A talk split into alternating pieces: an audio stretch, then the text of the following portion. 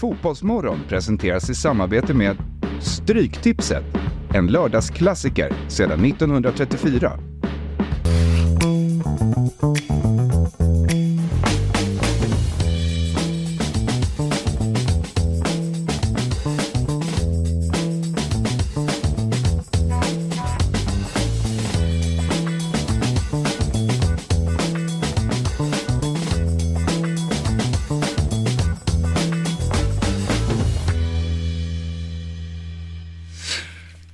Morgon och varmt välkomna till Fotbollsmorgon lördag. Det är en fin eh, fotbollshelg som väntar och matchen som en av oss här i studion ser mest fram emot det är ju den mellan Bayer Leverkusen och Bayern München i Bundesliga. Och det är ju Fabian Ahlstrand som menar att det här är helgens match och det kanske det är på ett sätt. Ja, Det är såklart. Real Madrid, Girona kanske sticker ut också. Men eh, det är de två matcherna som, det är en, det är en superhelg. I, I Serie A har du Roma, Inter och Milan-Napoli också. Ja, jo såklart. Eh, men det, det här är ju två seriefinaler kan man ju säga. Så de matcherna ju. sticker ut väldigt här helgen. Men du, att du ville hävda att, eh, du gillar ju Leverkusen, att du ville hävda att de har skador och så kollar man på Bayern München med eh, Davis, Gnabry och Coman borta. Då känner man att Bayern München har ju också ett par viktiga gubbar borta. Men Fabbe vill ju trycka på att Leverkusen kanske bara klarar krysset här för att de har många spelare borta. Samtidigt utgår man ju alltid från att Bayern München har en sån bredd i sin trupp så de kan ha så här fem skador och ändå spelar de med liksom Thomas Müller, Harry Kane och någon eh, superbra ytter. Eh, Alltså de har ju alltid bra spelare på planen på något sätt. Men han, Men här ser vi Bundesliga-tabellen. Leverkusen leder ju på 52 poäng, Bayern München tvåa på 50. Sen är det ett hopp ner till Sergio Girassi och Stuttgart. Ja, precis. Eh, Leverkusen, apropå de saknar ju Palacio. eh, eh, där på centrala mittfält. är ju- är tufft. men säga vad man vill, en nolla i kolumnen där på förluster, det är ändå starkt. Otroligt. Men ja, här, München får inte förlora här. Då eh, blir det ett litet eh, ryck här från Leverkusen och man tänker så här, det är 38 omgångar. Men det är det ju inte i Tyskland utan det är ju 34 matcher som ska spelas. Så att eh, det är viktigt för München att, eh, ja gärna tre poäng men, men får absolut inte förlora. Rejält ras på Union Berlin också. Eh, Så Ja. när de, de var så jäkla bra. Champions League i höstas. Ja. Eh, nu nära att trilla ur eh, Bundesliga. Men ja, eh, hur, eh, du kollar kanske inte så mycket Bundesliga Jesper Hoffman. Ja, men är den det här en match som du... förs- Ja, får väl försöka få in den i eh, det tajta tv-schemat som man har. Men i och med att jag har en Premier League-podd så måste man ju alltid prioritera den engelska fotbollen mellan allt stök som man har med sina barn. Går- kan ju banda matchen. Alltså Leverkusen. Nej, jag har ju en familj också. Till skillnad från dig. Går ju samtidigt tror jag som Nej, men det- Newcastle. Jag Men, får ju eh, prioritera den fotboll jag ska prata om och jobbar med. Men eh, jag vill gärna, är det någon match jag måste se, eller är det någon match eh, jag vill se i Tyskland så är det ju det här mötet. Så att jag får väl försöka. Den går ju ikväll 18.30 samtidigt som Nottingham Forest Newcastle. Ja, precis. Ja, Det blir kanske är en match du kan- Jobbigt. Det blir ju Forest. Då får du sitta själv där och kolla då. Ja, men det är, nej, det är en jävla match. Och så här, två tränare som verkligen är på den högsta, högsta nivån också. Det är klart, så, så nej, det är verkligen spännande. Ja, nej, den ser vi eh, fram emot. Alltså vi får ju se hur det går, men ändå, ändå en ovanlig situation för Bayern München att gå in i ett slutspel i Champions League och inte leda Bundesliga. Att man jagar där. Alltså, om de inte vinner den här matchen, då går de ju om. Men eh, ja, det sätts ju saker på sin spets. Då Harry Kane är ju värvad och han ska ju vinna titlar här. ja, nej, men förmodligen, om inte Leverkusen klappar ihop, vilket ju inte så mycket tyder på, så kommer ju Bayern få slåss på två fronter hela våren. Får se hur de eh, hanterar det. Ja, Det gör ju Leverkusen också i och för sig. Europa League. Europa League menar du? Ja, jag tror att de släpper den ganska snabbt om, om, Varför? om ligan är... Nej, jag tror att de kommer prioritera ligan ganska tydligt. Det tror jag. Real Madrid-Girona är också 18.30. Ja, jag vet. Jag vet. Där får man, där får man det får ju, mm. Ja, det blir tufft för dig. Och en ganska tung eh, Premier League-lördag också Jesper. Även om det inte är de här största matcherna så är det ju många matcher klockan eh, fyra. Det blir trevligt. Det blir eh, trevligt. Det är ju Champions League-vecka igen då, vilket ju leder till att det är många matcher lördag. Kanske inte så bra då, om man vill se mycket utav en omgång, men också kul med, med action med Stryktipset och FBL och så. Så att jag, jag ser fram emot denna lördag. Jag vet inte om vi har helgens höjdare bild, för det, vi, vi brukar ta det i slutet av programmet, men nu när vi ändå är inne på det så kan man ju se hur, hur det ser ut då. Eh, vi pratar ju om de matcherna. Roma-Inter då också ikväll klockan eh, sex.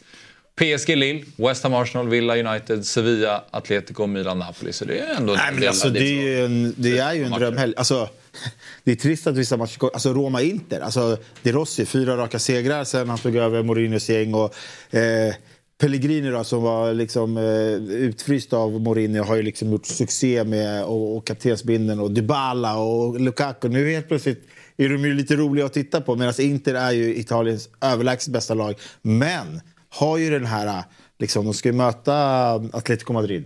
Inte den här, nej det kanske inte är i veckan. De kanske går in i och för sig, jag kan ha fel där. De kan gå in om två veckor i och för sig. Mm, vi kan De kolla. det är synd att de tre matcherna går in i varandra. För det är ju de tre roligaste matcherna den här helgen. Så, så ska de spelas typ samtidigt. Uh, kunde de inte sätta Real Girona 21? Mm. Inter Atletico är faktiskt inte på tisdag, men nästa. Nästa, exakt. Förlåt. Ja, 20. då har då är det inte så mycket betydelse. Men eh, Aston Villa, Manchester United är också jävligt intressant på Ja. ett sätt. Då liksom Manchester United gör den liksom senaste matchen och Aston Villa liksom krampar helt och hållet mot Chelsea. Alltså så här, nu, nu börjar de bli ett lag som man känner att man inte riktigt vet Nej, vad man har dem. Eller? nu har de ju två raka torsk här på Villa Park också där de har varit så starka. Och United som ju någonstans den här våren har som målsättning att kliva upp på Champions League-platserna. Får man nog, måste man nog vinna här, tror jag, för att kunna lösa det. Och det är väl ett kanontillfälle då att möta just Aston Villa. Så den där är ju, jag tycker att det är Premier Leagues eh, mest intressanta match den här omgången då. Men det, det är inte jättemånga eh, heta matcher.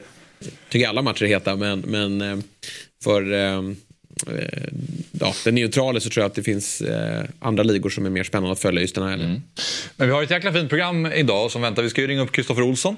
Det blir kul eh, om typ 45 minuter. Och sen eh, så kommer Gusten Dahlin också sista halvtimmen. Och då ska vi prata mer Champions League då. Apropå Inter Atletico som är ett, kanske ett av de hetaste mötena.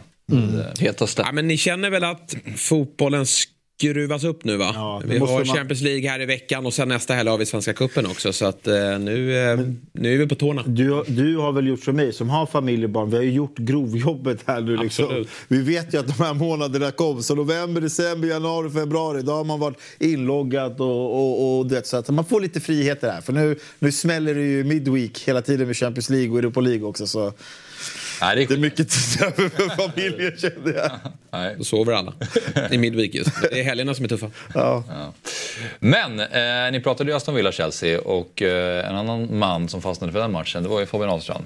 Nej, inte Du fastnade lite för den. Ja. Ja. men du fastnade för Chelseas spel. Du, du, eller så här, du ville väl analysera lite, för Chelsea är också ett lag som är upp och ner. Det är så här jag tolkar det, du får väl berätta själv. Och kollade lite på finalen när de spelade mot City i Champions League-finalen 2021. Också jämförde med Tuchel och var de står idag och sådär. Ja, nej, men det är bara, det kan man ju konstatera med Fosstrand att så här, hur kunde man sparka honom? Uh, Tuchel. Eh, Och det är lätt att sitta här men eh, den tränaren på den nivån och den liksom, Visst gick ganska tungt för Chelsea den hösten men s- så här, ett år senare eller drygt ett år senare så har det inte blivit mycket bättre. Eh, och eh, jag tycker man kan se stora brister i Chelseas spel eh, som jag är lite förvånad att han inte har um, åtgärdat det och liksom fått kontroll över. För att tittar man typ statistik och tittar man på matcherna så är Chelsea ofta rätt bra i spelet. De är bra med bollen, de kommer in i tredjedelen och sen kanske de inte har riktigt den spetsen som många, många av de andra topplagen har. Men det är just det defensiva där de brister väldigt mycket och framförallt kanske balansen på, på det centrala mittfältet. Eh, som gör att de släpper in väldigt mycket mål. De har släppt in 39 mål i Premier League så här långt. Och, eh, jag tror de har, ligger så här 12 i antalet skott och släpper på, eh, släpper, eh, släpper på sig. Så, eh, eller släpper till sig. Och det är ju med tanke på hur mycket boll Chelsea har i matcherna och hur drivande de är i matcherna generellt så är det ju verkligen så här smärtsam siffra. Eh, Så um, det finns mycket brister i Chelseas spel. Ja, jag tycker det är ändå relevant att liksom göra ett litet nedslag i Chelsea med tanke på att de har liksom, ibland hittar de in i en, i en bättre trend och så vinner de lite matcher. Sen åker de till Anfield och är katastrof. De torskar mot Wolves hemma, sen åker de och slår Villa borta. Jag tycker det är jättesvårt att veta men var, var man har dem. Ja, Ehm, och då är du... Eller vill du lägga till något? Ja, jag kan göra det efter dig. Jag har bara en fråga. Så, ja. Ja, För jag tänker Fabbe har ju tagit ut fem punkter eh, Okej. kring Chelsea. Då. Nej, Det är egentligen en punkt En med punkt? lite Okej. bilder som, som så här, bara ska belysa vart problemet ligger. Eh, och det är framförallt det centrala mittfältet Okej. med Caicedo och, eh, och Enzo Fernandes. Mm. eh, som inte har hittat ett samspel. För de har ju en, alltså, de har en backlinje som är ju alltså, hopplöst usel. Eh, de vet ju inte hur man försvarar straffområdet. Han, Diassi. Eh, säga. Ja, men alltså det, och Thiago Silva är ju till åren. Eh, Men då har man ju så problem att skydda den backlinjen. Här är så ett exempel bara på matchen mot Fulham som de leder med 1-0.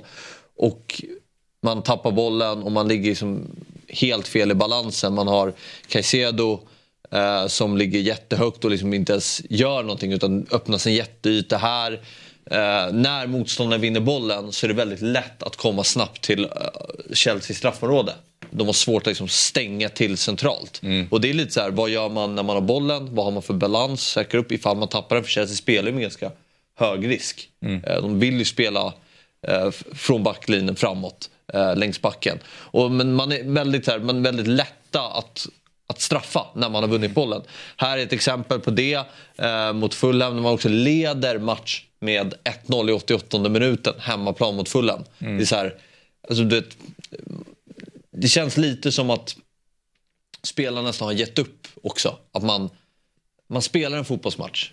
Men man vet inte hur man ska vinna en fotbollsmatch. När det är bra, då är det bra. Men ibland måste du ta till andra medel för att vinna fotbollsmatcher. Du måste vara smarta, du måste, vara, du måste tänka på såna här grundläggande saker. Eh, balansen och titta bara målen släpper in mot Wolves. Alltså det bara läcker. Och då är Chelsea ganska bra inledningsvis.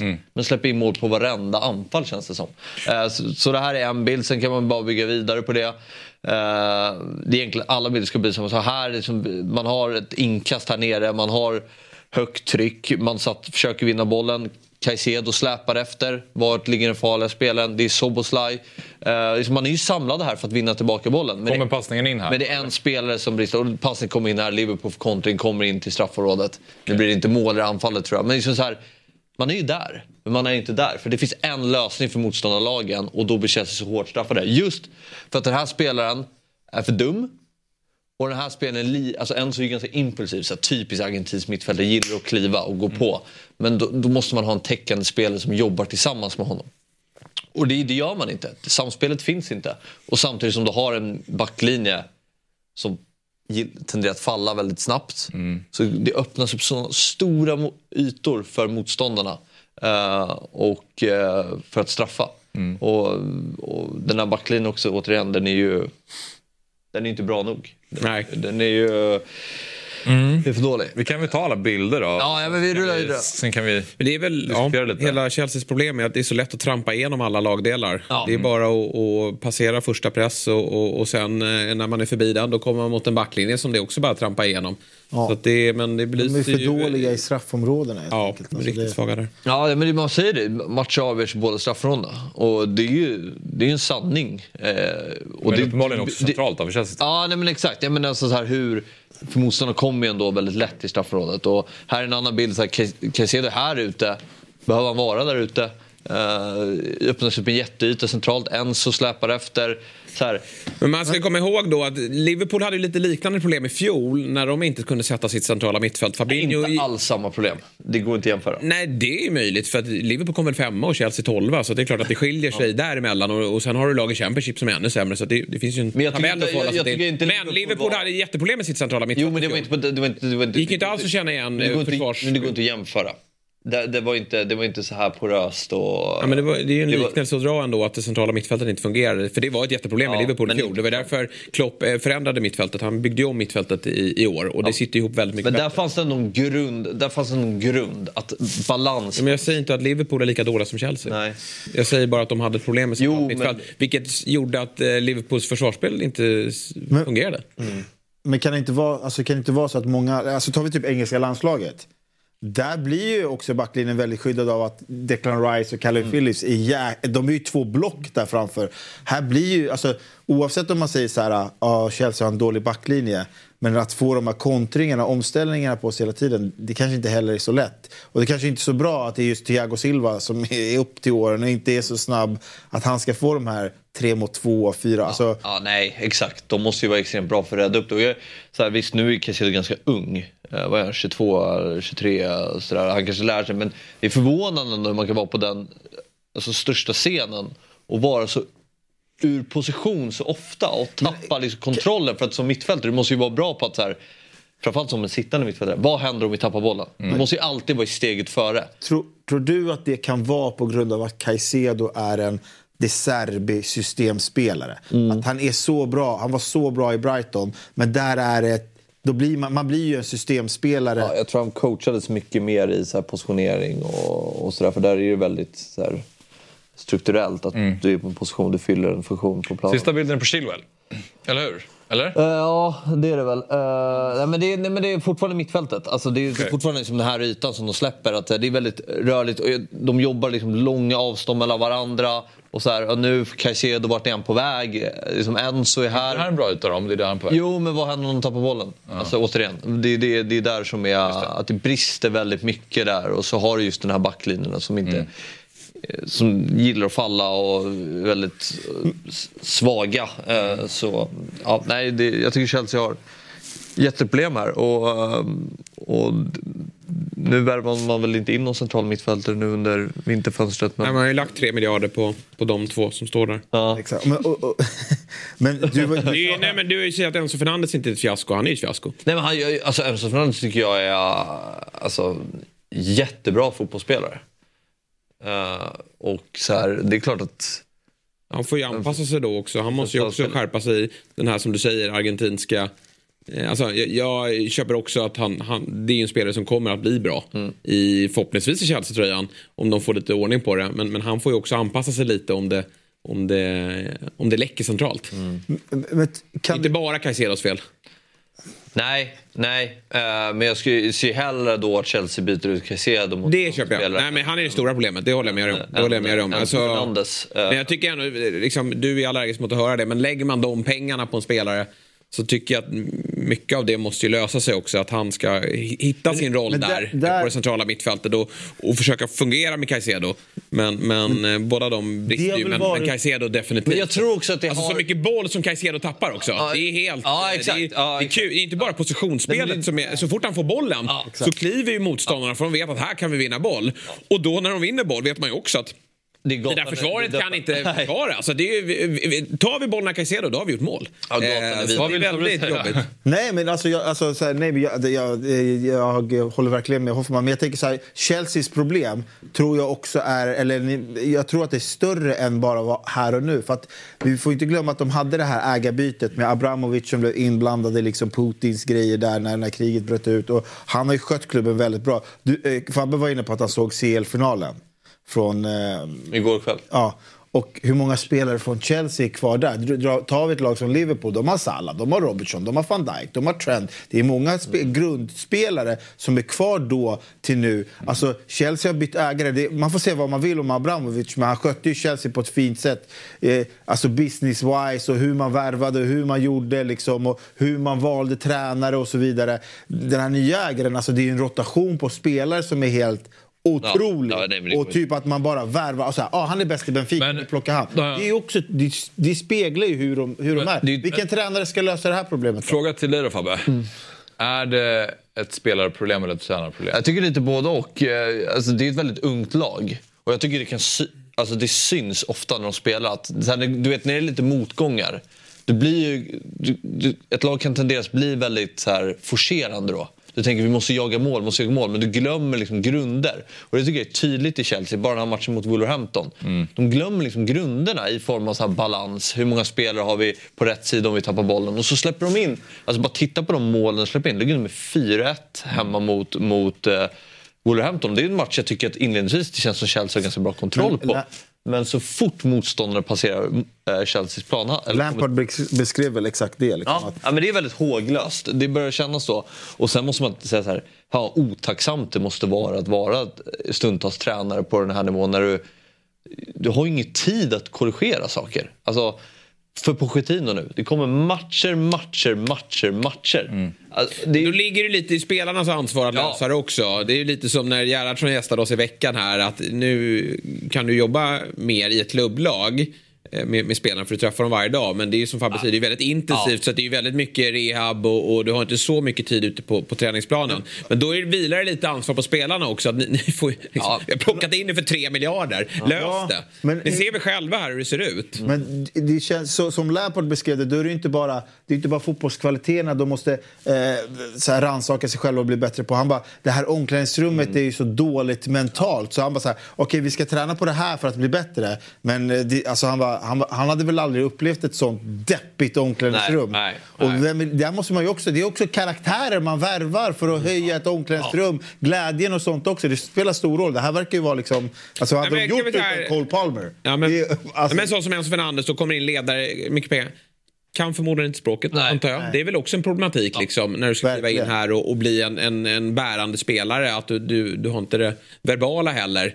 Eh, Att kliva in och, och leda det här Chelsea. Så att det, är- det, är- det är mycket, Alltså, det är ju, allt är ju fel. Du visade ju med ett klipp från eh, som sagt Champions League-finalen 2017 när Mm. Chelsea vann med Thomas Tuchel och där visade typ när Cesar Azpilicueta som var höger mittback i en fembackslinje liksom klev upp ganska högt, föll tillbaka. Det var som ett liksom, dragspel. skyddade varandra och, hela tiden. Varandra. Ja. Det fanns faktiskt, man såg att det här, det här är ett system som de satte Jävla i. fotbollsmatch det Och när jag ser det så känner jag de här spelarna är inte för dåliga. Men han Alltså, hade ju en bra det- det- grupp att jobba med där. eh, Ja, alltså en men- erfaren, lyhörd grupp som gjorde det Tuchel sa. Sen tror jag att man kan ruttna på Tuchel till slut också. Det var väl, alltså, han är ju väldigt eh, Jo, krävande. Absolut, men det finns en, en idé. Pochettino känner jag bara så här, vad, hur vill de ens göra? Ja, nej. Jag har ingen aning. Nej men det är exakt. Och Deras bästa match de gjort i år, Chelsea, det var ju premiären mot Liverpool. Ja. Dess har det ju bara... Nej, men det, är- det är så här, de, de, de spelar... De går ut och spelar en fotbollsmatch och gör 90 minuter men de ser liksom inte syftet med det och hur... Det känns inte som att spelarna riktigt har förståelse för hur ska vi vinna den här matchen. För i nuläget måste Chelsea vara extremt bra för att vinna fotbollsmatcher. De måste göra fyra mål för de kommer släppa in tre mål. Det, Eh, statistiken visar, alltså de underliggande siffrorna visar också att Chelsea ska ligga där de ligger. De, ska inte vara, Nej, de, de är... är- inte bättre än så. Alltså, vi kollade på någon Opta-statistik. Då var de femma i världen Mm. där vid Champions League-finalen fram till början av, tju- eller, fram till början av säsongen 2022. Och sen nu är de på ranking, de är, de är på liksom 35-36 och då pratar vi liksom underliggande statistik. Så de, de är ju absolut inte bättre. Det är inte så här att, att de får inte utdelning utan de, Nej. de är så här dåliga. Nu går vi vidare till fem snabba. Fotbollsmorgon sponsras denna vecka av Telia. Sabri, min vän, när jag säger Premier League, vad tänker du på då? Jag tänker såklart på mitt Liverpool och våra svenska stjärnor som spelar där. Plus att det är ju världens bästa fotboll. Vad tänker du på förutom FBL? Nej, men att jag också håller ligan väldigt högt, precis som allsvenskan och all annan toppfotboll som spelas. Just därför är det kul att vi på Fotbollsmorgon gör det här tillsammans med Telia som på ett jäkligt smart sätt samlar sporten på ett ställe. Till exempel då så kan du få alla sporter, matcher och ligor från Telia, TV4 Play och via Play, inklusive då allsvenskan, för 849 kronor i månaden. Ja, men du får inte glömma att man också får alla filmer och serier. Dessutom HBO Max utan extra kostnad. Det är faktiskt hela 598 kronor billigare jämfört med om du köper tjänsterna var för sig.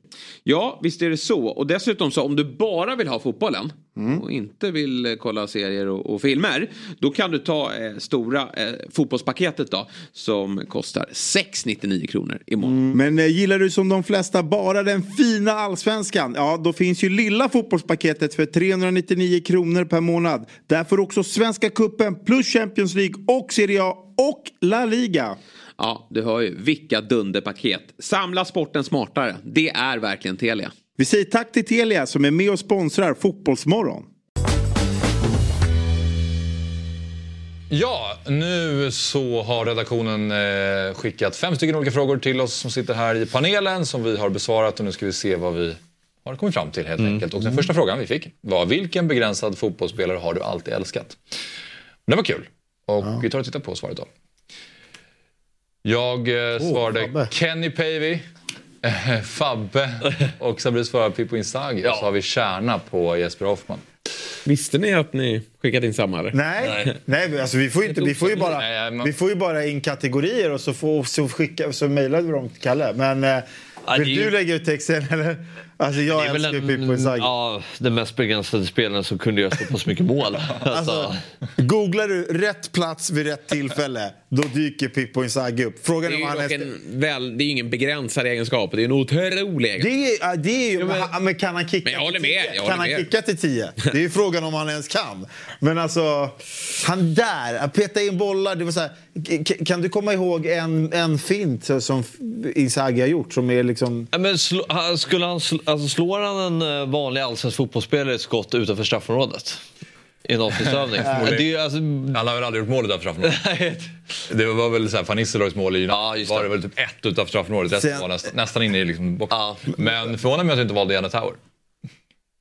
Ja, faktiskt. Det är väl den liksom mest... Jag tänkte faktiskt på Djurgårdsspelare, men jag kom inte på någon. När vi hade med honom i Fotbollsmorgon sa han ju själv så här, och fick frågan, hade du kunnat ta ett till, till kliv? Och Han sa nej, nej, nej, alltså, allsvenskan, jag var för, för dålig för Ja. allsvenskan. Alltså jag, tänk, jag tänkte först Nisse Johansson, men jag bara, fan jag kan inte ta någon AIK-spelare. Men Pippo älskade man ju också för att, även om han snodde folks mål, Ja. så firade han ju som att han hade dragit tre gubbar och lagt upp det i krysset. Alltså en älskvärd begränsad Du spelare. borde ha tagit Jordan Henderson. Va, eh, vad menar du med det? Han är väl Han var ju otroligt begränsad. Han väl otroligt... Alltså, han, du Att han, fick den, att han har vunnit så mycket i Liverpool. Det är, Nej, men alltså han är inte begränsad. Kärna då? eh, nej men du måste ju, du var väl älska här som gällde. Älskade ni Pippo?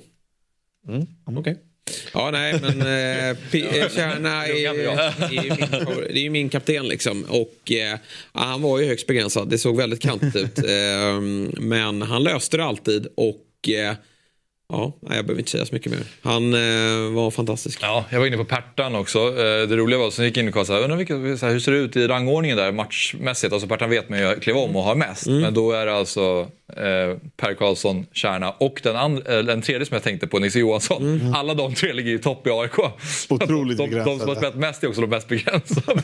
Tydligen. Men det, är de som, det är de som inte blir sålda för att de... eh, ja, Nisse hade ju en utlandskarriär, en fin sådan. Men eh, de andra kanske inte var... Och jag tycker faktiskt att Nisse var helt bra, så jag tycker inte att han var begränsad. Kenny Pavey, eh, Alla var väl bra. Pertan var ju fantastisk också och Kärna var ju också väldigt bra. Men de hade ju... Ja, Men det var väl det här med Pertan, apropå lite så här kantig, väldigt snabb och stark eh, och hade en del egenskaper sådär men kändes som att han kanske saknade någonting för att liksom ta det steget. Men Kenny Pavey har man ju älskat som aik såklart för den mentalitet men det var lite så här Janne Tower-känsla att han är där och krigar och man är, han är väldigt älskad. Men Ja, alltså, ta bort- samtidigt tycker jag att hans högerfot är lite underskattad. Han slog en del fina inlägg och gjorde några bra mål. Liksom. Towers vänsterfot underskattar också. Ja men då är det lite lika. Ja. Men, Nej, vi var ju dock- Ja, nej, kör, kör. Nej, men Päivi 06 var ju helt otrolig. Eh, alltså han var riktigt jäkla bra den säsongen. Men jag, som, som helhet så var det ju såklart att han började ju tappa mark i den AIK 11 för varje år som går ju mer pengar AIK fick liksom. Men, men Norling fick ut, honom väldigt mycket, fick Alltså- ut väldigt mycket av honom. Det är, alltså, tar du bort mentaliteten så är det ju inte mycket kvar.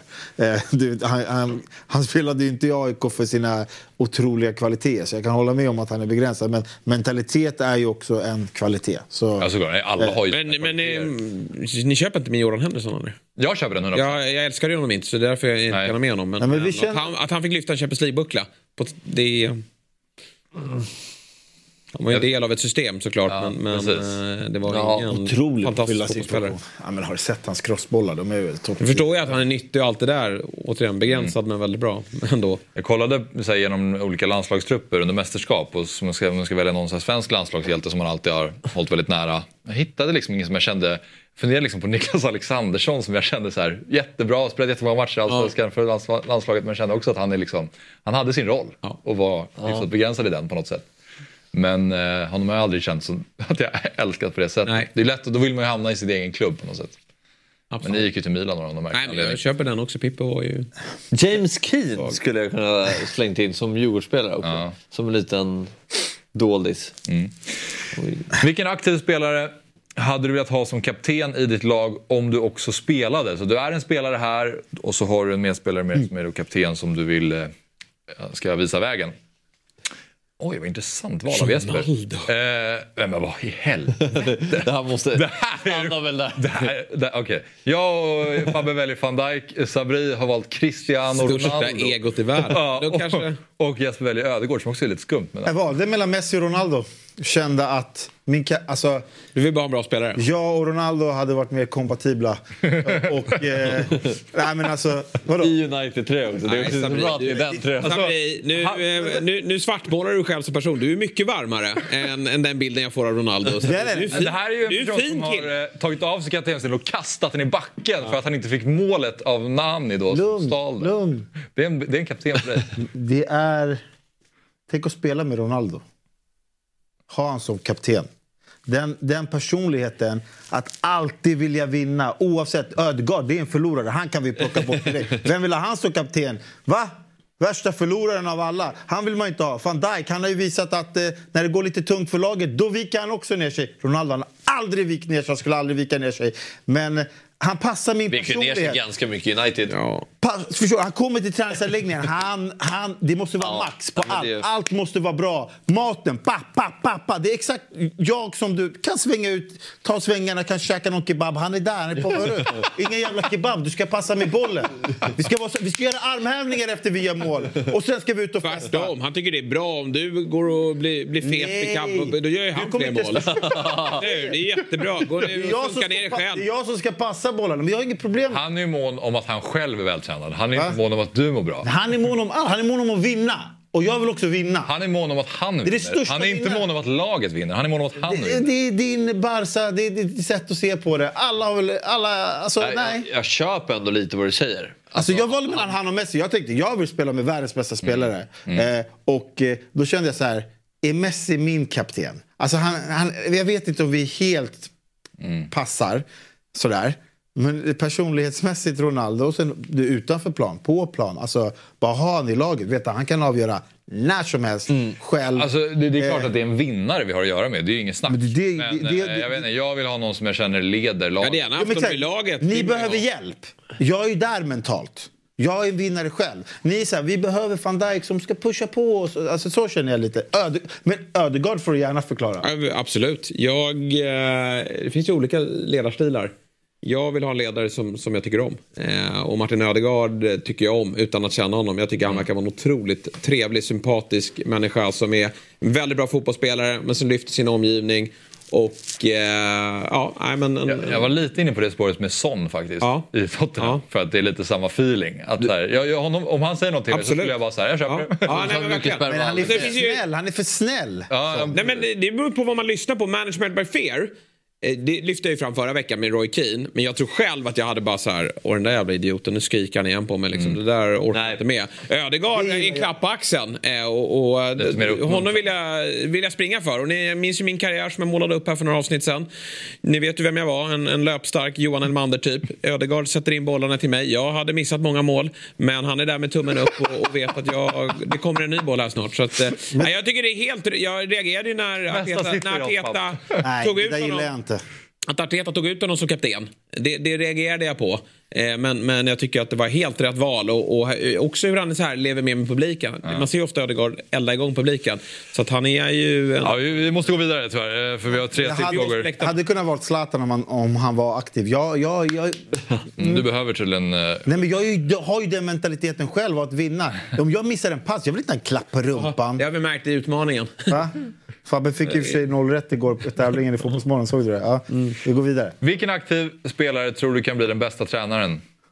Eh, jag svarade Harry Kane, sen har vi Tony Kroos på Fabbe, eh, van Dijk på Jesper och så har vi Thiago på eh, Sabri. Fyra olika svar. Eh, ja, Tony Kroos.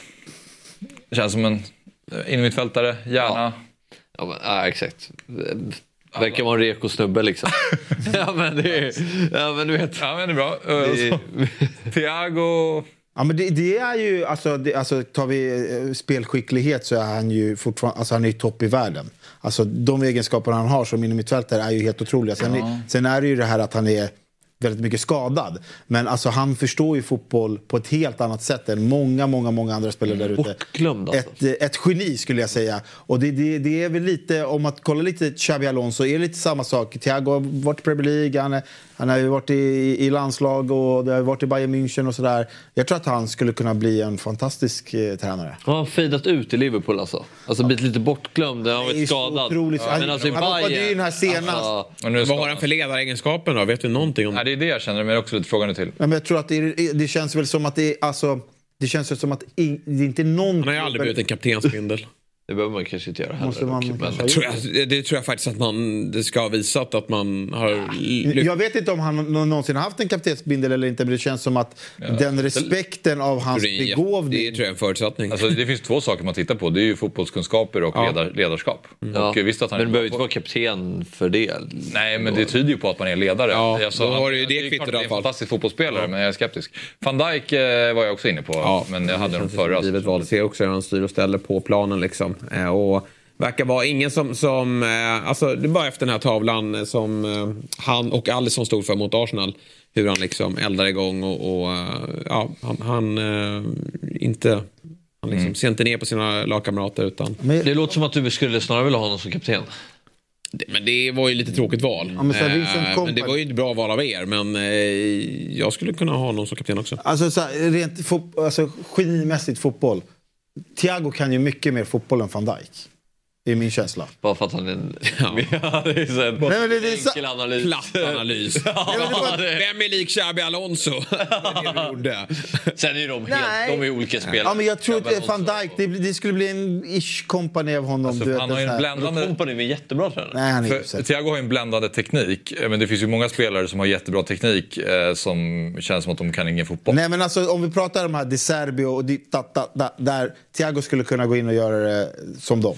Det Han hade, förändra fotbollen. det hade inte van Dijk. Jag, tycker, jag valde Harry Kane bara för att jag tycker att han, eh, just den här egenskapen att han liksom kan droppa ner i banan och se. Han är ju som en playmaker från en Mm. nya position. Så att trots att han är striker och ligger högst upp så kan han också förstå spelet och eh, är en Inte ledare. verbalt. Nej, det, det var ju det jag satte Ja. mig emot när jag kände att han kan inte prata. Det är det som är problemet. Nej, jag vet. Det tror jag behöver kunna. Ja, han kommer mumla fram grejer i omklädningsrummet men eh, det finns ett ledarskap där. Han får ha en ass som pratar bara så får han lägga upp taktiken. där har vi det. De här två går ihop tillsammans. Men eh, fråga fyra. Eh, Vems drömmål hade du själv velat göra? Och, Det var, det var, vänta, om man var för stanna kort i den här så också är det viktigt att spelarna, alltså de här under sin karriär haft tränare som varit väldigt lyckosamma. Som kan ju inspirera spelarna. Ja, just det. Alltså den Det har du väl alla? Det har alla. Förutom Harry Kane då. Ja. Ja, Nu har ni det. Ja, eh, nej, men det, är, det är en bra poäng. Eh, vilket drömmål hade du själv velat göra då? Och, här tänkte eh, jag lite annorlunda. Här kan vi säga att jag var inne på... Så här, först var det typ det snyggaste som jag hade velat göra men sen kände jag att det måste också betyda mycket för att Ja, det är ja. lite häftigare. Så att, eh, vi kollar väl. Eh, Jaha, vi gör så här. Ja, jag valde då helt enkelt, eh, om, eventuellt ett tråkigt svar, men jag kände bara så här. Det är en VM-kvartsfinal, han dribblar av hela jävla England. För sin hemmanation. Det finns också den här rivaliteten mellan England och Argentina, Falklandskriget.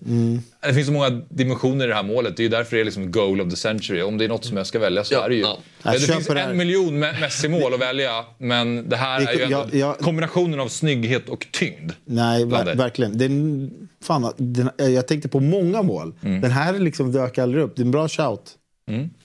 Eh, sen har vi, vem då? då? Vi skickar upp nästa. Eh, Ja, jag, jag har alltid så här, när jag har så här, tänkt in i framtiden vilket mål jag hade velat göra. Då har jag landat i att min dröm har alltid varit att runda målvakt och lägga in bollen i öppen kasse. Alltså den känslan. Och då är det alltid det här målet jag tänker på. Just att han är fri från halva plan. Får beskriva för lyssnarna. Det är, Ja, men det är Champions League-semifinal 2012. Eh, Chelsea är ju vidare, ska sägas, eh, vid det här läget. De försvarar ju. Och sen Barcelona tryckte upp hela laget. Fernando Torres får eh, bollen på halva plan. Har ju varit usel i Chelsea. Superhånad. Superhånad. Kommer fri från halva plan med Victor Valdez. Rundar honom, lägger in den Det är lite som att typ Nicholas Jackson skulle göra det idag fast ha haft ännu sämre. Ja men, ja, men, exakt. men alltså, hade jag fått välja typ av mål att göra så är det att runda målvakten i en viktig match. Till exempel avgöra ett derby mot Gnaget. Komma fri framför norra. Runda målvakten. Gud vad jag inte tycker det är snyggt. Alltså. och, och sen bara lägga in Nej, den. det är inte snyggt, det är kanske en härlig känsla. Nej, jag tycker det. Eh, så det, det är... eh, Det är ändå här, och då är det här målet jag tänker på. det är kyligt att runda målvakten kan jag ändå tycka. Eh, vad har vi nästa då? Är det Sabri eller Jesper vi skickar upp? Eh, Sabri. Ja, eh, EM 2000-finalen, David Trezeguets avgörande mål då, mot Italien i, i förlängning. Och, och, när, man, när man gick igenom där, då kände jag så här... Alltså, det finns ju, som du sa, otroligt många snygga mål. Då kan man välja en bicicleta, man kan ju välja sådär. Men ha- det här målet är ett, det är jäkligt snyggt. Det får man ju säga. Men han avgör här. Ja, det det, det finns in, det är slut här. Sliter av dig tröjan. Du, euforin. Alla blickar på dig och det blir så glädje. Du har precis vunnit ett EM mot ditt land. Så kände jag bara så här, ja, men det är här jag landar. Jag, den här vänsterhalvvolleyn upp i snyggt. taket bakom, det är Toldo som står va? Och bara känna att här är matchen över. För att du kan ju göra en 2-0 och så är det 20 minuter kvar. Då kommer jag ändå vara bajsnödig de 20 minuterna. som typ Robin, alltså som mot Kalmar liksom. AIK vann SM-guld. Det lång tid tills man blir matchhjälte. Här är jag och blir matchhjälte och skriver in mig i historien. Så jag, nej, jag fastnar för det här målet. Mm, Jag gillar, jag gillar valet. Ja, jag har missförstått lite här. Jag tycker era är mycket bättre. Men jag bara tog det snyggaste målet. Alltså, Det är inte fel. Nej, men det är. Dimitri Payets mål mot Pauk som jag tycker är det världens snyggaste fotbollsmål. Nej, Ramseys volley mot Galatasaray är snyggare. Ja, fast det är lite flyt. Här, här, här, Ja, jag menar det. Alltså det, det, det, som är viktigt, det finns ju en spelare i världen, det finns ingen spelare i världen som har gjort snyggare mål än Zlatan Ibrahimovic. Det är ju, han är ju nummer ett i världshistorien på att göra snygga fotbollsmål på olika sätt. Klackar, skott, eh, eh, dribblingsräder. Han har hela registret. En som är där bakom och slåss, det är ju faktiskt Dimitri Payet. Som eh, har gjort, otro, han har inte gjort lika många mål, men han har gjort väldigt många snygga mål. Och då är det då är man ett geni eh, när man kan göra så många olika typer av snygga mål. Och det här målet är helt brutalt men det är ett totalt ointressant mål. 2-0 mot Pau. det är klart att jag, jag hade gärna fått trycka in det här i ett derby. Eh, ja. Exakt- Alexander Isak typ kunde Ja, nej men exakt. För det är ju så att när man alltid ska måla upp ett mål. För mig har det aldrig varit att avgöra en VM-final för Sverige. För jag har aldrig varit realistiskt eller kliva ut i en Champions League-final. Utan min dröm i hela mitt liv har alltid varit att släcka Djurgården. Eh, det, var inte, det levde ju inte särskilt länge det målet. Eh, gjorde det inte för Fabbe heller, även om man trodde det. Men, men skulle jag någon gång få göra det så är det ju det här målet på ett fullsatt Råsunda då, eh, från Dimitri Payet. Det hade varit kul att få kombinera mål och match. Ja. Eh, Jag hade väl kanske också landat i ett derby, men då hade jag ändå tagit Zlatans pissa mot England. Att då gör det över... Ja, nu, Ja, jo, absolut. Ja. ja, absolut. Ja, men jag förstår, det, Det är det, här är otroligt snyggt. Eh, Alla som inte har sett det får väl gå in och söka upp det. Det är, är det en hörna? Ja, det är en hörna. Drar han till direkt på volley?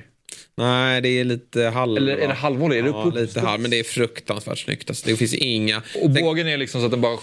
Ja, Jag tycker är alla, ja, den bara borras. Den bara borras. Den en rak Ramsey är snyggare. Ja, jag sett det också. Det är ju brutalt också. Men jag gillar det här med, återigen för att det är Ramsey. Han gör ju aldrig om det där. Paille gör om det där. När han går dit med Ja. materialan som Anders Svensson, då sätter han upp den igen. Men kolla på den vänstra bilden också. Man ser att han, timingen här, alltså på Ramsays mål, det är som att han sätter ner Ja. vänsterfoten som att han sätter ner stödjeben. Ja. Så råkar bollen träffa honom. Typ. Det ser lite konstigt Nej, det, är alltså, se hur Paille gör det här rent tekniskt. Ramsey längre ifrån.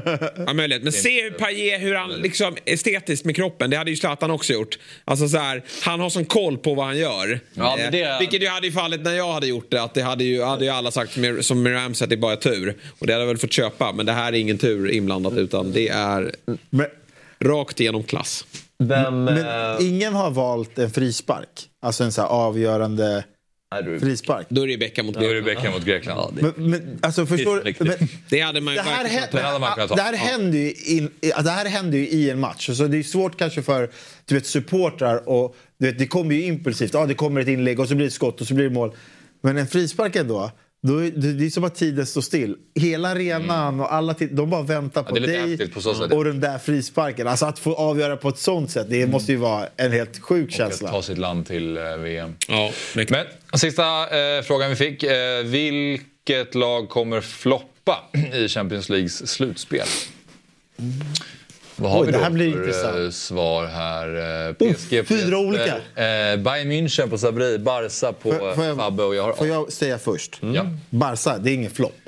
Jag tänker det också så. Jag kände att väljer man Barca så det är lite så väntat att de kommer. Enligt- nej, men det är enligt- alltid... Åker de mot Napoli är det en flopp. Enligt oddsen så, så ska de, de, de knappt gå till kvartsfinal typ. Alltså, Är det så? De, De är, är inte favoriter mot... de är eh, lite Napoli. favoriter mot, mot Napoli. Men det, jag vet inte om det är... Då är de inte knappt. jag, jag vet inte om det är flopp eller? Om de åker på Napoli så tycker jag att det är en jätteflopp. Oavsett hur trögt det går och har... Alltså, Eller. Napoli är lite dåliga just nu. Ja, jo, mm, Mot Napoli så kanske... Vad innebär att Bayern är flopp då? Att de ryker i? Ja, nej, men jag tror att ju, alltså, Bayern är ju second favorites efter City att vinna den här. Eh, eh, ehm, Att vinna Champions League. Och i min bok så tror jag faktiskt att eh, Bayern, eh, beroende på vilka de möter, kan ryka redan i kvartsfinalen. Jo, men är det en flopp om de ryker mot... Eh, City. Om de får City och ryker på mot City? de- Det, det är ju bara, eh, för, för Bayern är det, ju- alltså det är alla som möter City kommer ju inte vara en flopp. Men möter de då möter de PSG, möter de eh, något av de andra lagen, eh, eller Arsenal eller något annat, då är det nog en ganska flopp om de åker Om de möter de här tre lagen, tror du att de åker ut? Det tror jag att de kan göra. Kan inte Barcelona. Men PSG kan de absolut åka ut. Alltså jag tror ju... Efter, Arsenal jag tror, kan de åka. Alltså Arsenal, visst. Det är så här, men det, det, det är ändå, alltså de kan få till det. Alltså jag var ju skeptisk innan. Jag var ju så här, ah, de kommer åka ut mot Porto och sådär. Men nu börjar jag se tendenser av att, visst, Alltså jag, jag, jag valde Arsenal för att jag, just så här lottningsmässigt också, jag, jag tycker man ska aldrig räkna bort Porto. De är alltid lite oberäkneliga. De har ganska bra form nu i ligan och inte förlorat på ett tag. Eh, och, ehm, så gillar- säger man ju dock alltid. Jag gillar ut i Porto. åttondelsfinal. Jag vet inte, men Nu ja, blir ka- det- kanske. Men jag, jag känner att det finns... Jag hoppas verkligen att Arsenal går vidare för jag vill ha dem med. Men ehm, jag vet inte, vi får se. Jag är lite, jag är lite tveksam. Bayern München och PSG känner jag mig tryggare med. Men PSG då? Ja, men de kan vi ju ryka nu mot Real Sociedad såklart. Jag får väl säga att de gör det. Annars är det ju inte så många favoriter som jag tror kan ryka. Nej. Utan jag tror att vi kommer få jäkligt fina kvartsfinaler. Mm. Men eh, PSG lever alltid farligt i en åttondelsfinal. men de känns Ja. bättre i år. Eh, nu till Danmark och till eh, landets bästa lag för stunden och till den bästa spelaren i laget. Det har eh, inte spelats en match i den danska superligan sedan den 4 december men nästa helg då är det dags igen. Och därför måste vi kolla hur formen är på Midtjyllands och landslagets mittfältare. Kristoffer Olsson, eh, varmt välkommen till Fotbollsmorgon.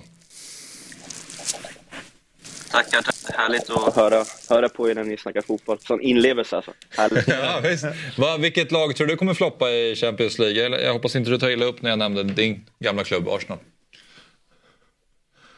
Mm, nej, alltså jag vet inte. Det känns väldigt öppet. Alltså det är klart, City, City är bra.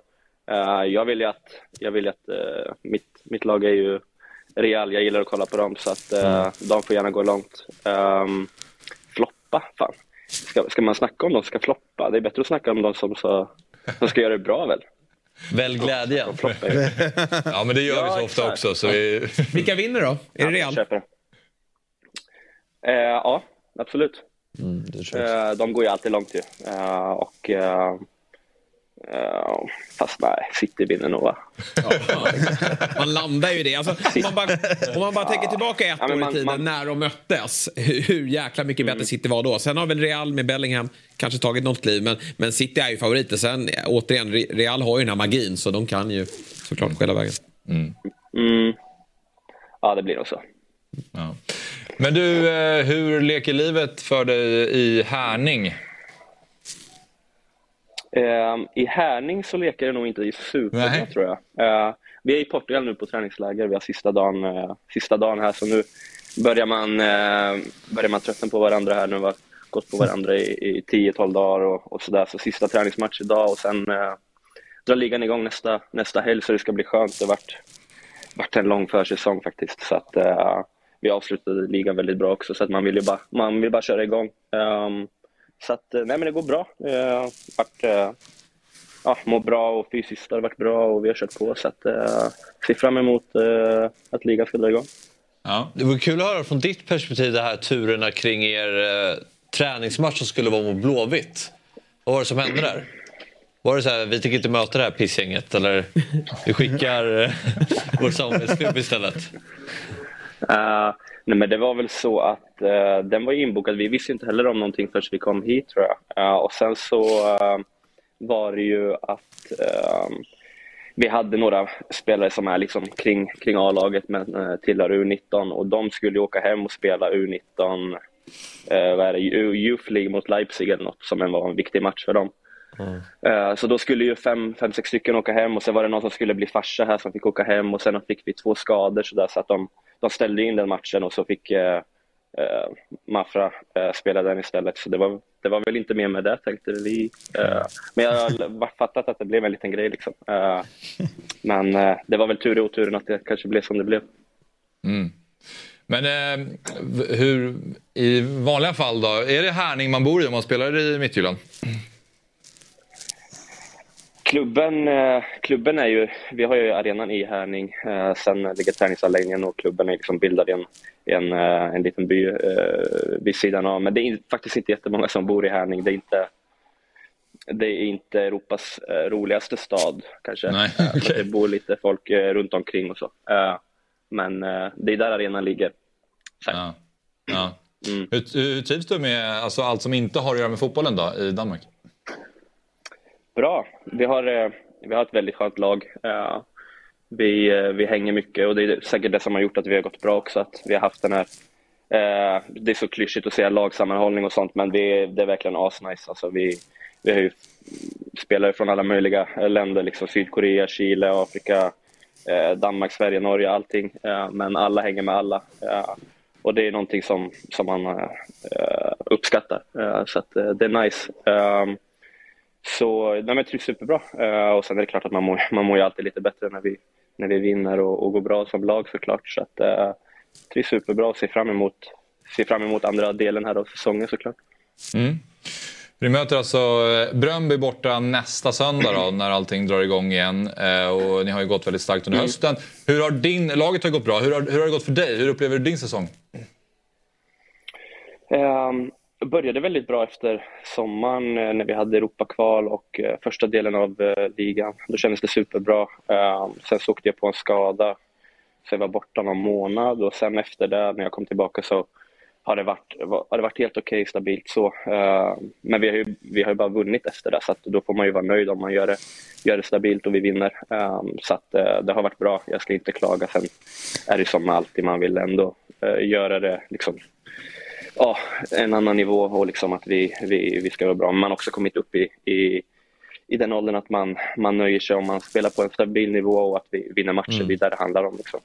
Hur, är det du och Gigovic som kamperar ihop på mittfältet då? Ja, eh, vi spelar väldigt mycket i början. Sen har vi ganska tuff konkurrens. Vi har eh, en spelare som, som är i Uruguays landslag och även eh, André Römer som ni känner till från Elfsborg. Mm, som- det. så vi har bra konkurrens på alla platser. Eh, men eh, Armin har varit superbra här på försäsongen så att, eh, det kommer säkert bli så. Vad skulle du säga att du har för roll på mittfältet i Midtjylland? Vad- Hur används du? Alltså o- offensivt kontra defensivt? Ehm, vi spelar ju fina 4-4-2, eh, så att jag spelar en av centrala. Uh, har en ganska fri roll offensivt eh, där jag får vara med i, i anfall men även vara nere och, och bygga och det passar mig superbra för att ja, det är egentligen då man får ut eh, sina kvaliteter känner jag. Sen är det klart att också som, som man blir äldre, man tar större ansvar så defensivt så, så har jag också en stor roll där jag eh, ja, ska vinna mycket boll och så. Och, och vi spelar också ganska, ganska direkt fotboll så att det handlar om att liksom gå fram, framåt snabbt och liksom, ehm, eh, ja, komma, till, eh, komma till avslut, komma till, eh, komma till chanser snabbt. Ehm, så att ehm, jag trivs bra. Alltså jag har varit, eh, haft en roll som, har, som egentligen varit passat mig superbra och jag ska inte klaga på den. Man har varit runt lite och haft roller och liksom kanske varit lite småsur med sin roll i, emellanåt i olika eh, lag och klubbar men nu, nu ska jag inte klaga över att jag har en roll som inte passar nu. För den, den, eh, den passar mig superbra. Vad är det för roll som du, när du, när du blir sur? Vad hamnar du i för roll då? Nej, men när man får göra grejer där man eh, inte kanske får ut sina styrkor. Där man kan ha andra spelare som är bättre på mig än de, på de egenskaperna. Eh, liksom så. Sen har man ju alltid varit så att man, man gör, tar en för laget och liksom, eh, alltid gör det som tränaren ska säga att man ska göra. Och liksom så. Men det är väl mer att man får göra de, eh, de grejerna som man, inte, eller som man är mindre bra på och, och kanske inte får ut det som man är bättre på. Då. Eh, lite så, eh, enkelt. Mm. Hur, eh, hur mycket följer du allsvenskan? Eh, ganska mycket. Eh, ser väl, har blivit enklare att jag ser mindre och mindre. Eh, men jag ser, eh, ser, jag har kollat AIK såklart väldigt mycket. Eh, och eh, framförallt nu när det blev en säsong, förra säsongen som, som blev, då blev man ju lite nervös ett tag och, och liksom följde det extra mycket. Ehm, så att eh, jag följer med och ser, ser de större matcherna och, och eh, framförallt AIK såklart. Uh, så man hänger med, man hänger med mycket. Men det känns mm. som att eh, ända sedan du, du gick till AIK och sen till Krasnodar och så Anderlecht och Midtjylland. Det känns som att oavsett var du är, även i landslaget, så får du mycket förtroende för olika, från olika tränare. Du får spela väldigt mycket. Vad känner du själv? Har du ett steg till i dig i din karriär, nivåmässigt upp tänker jag då? Ja men det hoppas jag, alltså kvalitetsmässigt. Jag menar nu, nu är jag 28, liksom, det, är väl, det är väl nu man ska pika och komma in i sin bästa Mm. bästa kvalitet liksom, eh, både på planen och vid sidan av allt sånt. Eh, men just med det här med förtroende så har jag väl också varit ganska medvetet val i, i, min, i min karriär själv också. Liksom att man har kanske, framförallt att jag blev kvar här i Midtjylland var en trygghet och kände att jag kände klubben och klubben kände mig. Att man, att man tog det istället för att kanske gå till en klubb i en ännu bättre liga och, och bättre för att kanske spela ibland och liksom inte veta om det där. Eh, så det har ju varit väldigt medvetet val också för att jag, alla är olika men jag trivs när jag har en viktig roll i ett lag och, och liksom mm. får, får spela och göra eh, det som man tycker är roligast. Liksom. Um, så att, men jag hoppas absolut att jag har ett steg till. Sen om det är i Midtjylland att vi ska vara med i Champions League och bli, eh, bli ännu bättre här eller om det är vidare till en bättre och större klubb, det vet jag inte. Jag är här och nu och, och så och trivs superbra så vi får väl se vad som händer. Är ni fortfarande lika bra på fasta situationer? Vi har faktiskt varit det de sista sex, sju matcherna. Eh, har vi varit eh, otroligt bra. Eh, det är också något som, som ligger på en väldigt mycket. Jag tar mycket hörnor och frisparkar så det är ju stort ansvar där för klubben. Satsar otroligt mycket på, mm. på, på fasta situationer. Eh, vi har haft genomgångar här nu på lägret där vi och gått igenom eh, all data och liksom allting så att, eh, det är otroligt viktigt. Eh, och så. Eh, sen är vi inte på den nivån där, eh, där vi egentligen ska vara. Då. Eh, men vi, vi är vassa och det är jobbigt för motståndarna när man tar långa inkast från halvan och liksom alla sådana grejer. Det, det, är inte, det är inte roligt att försvara mot det. nej. Ja, nej, nej.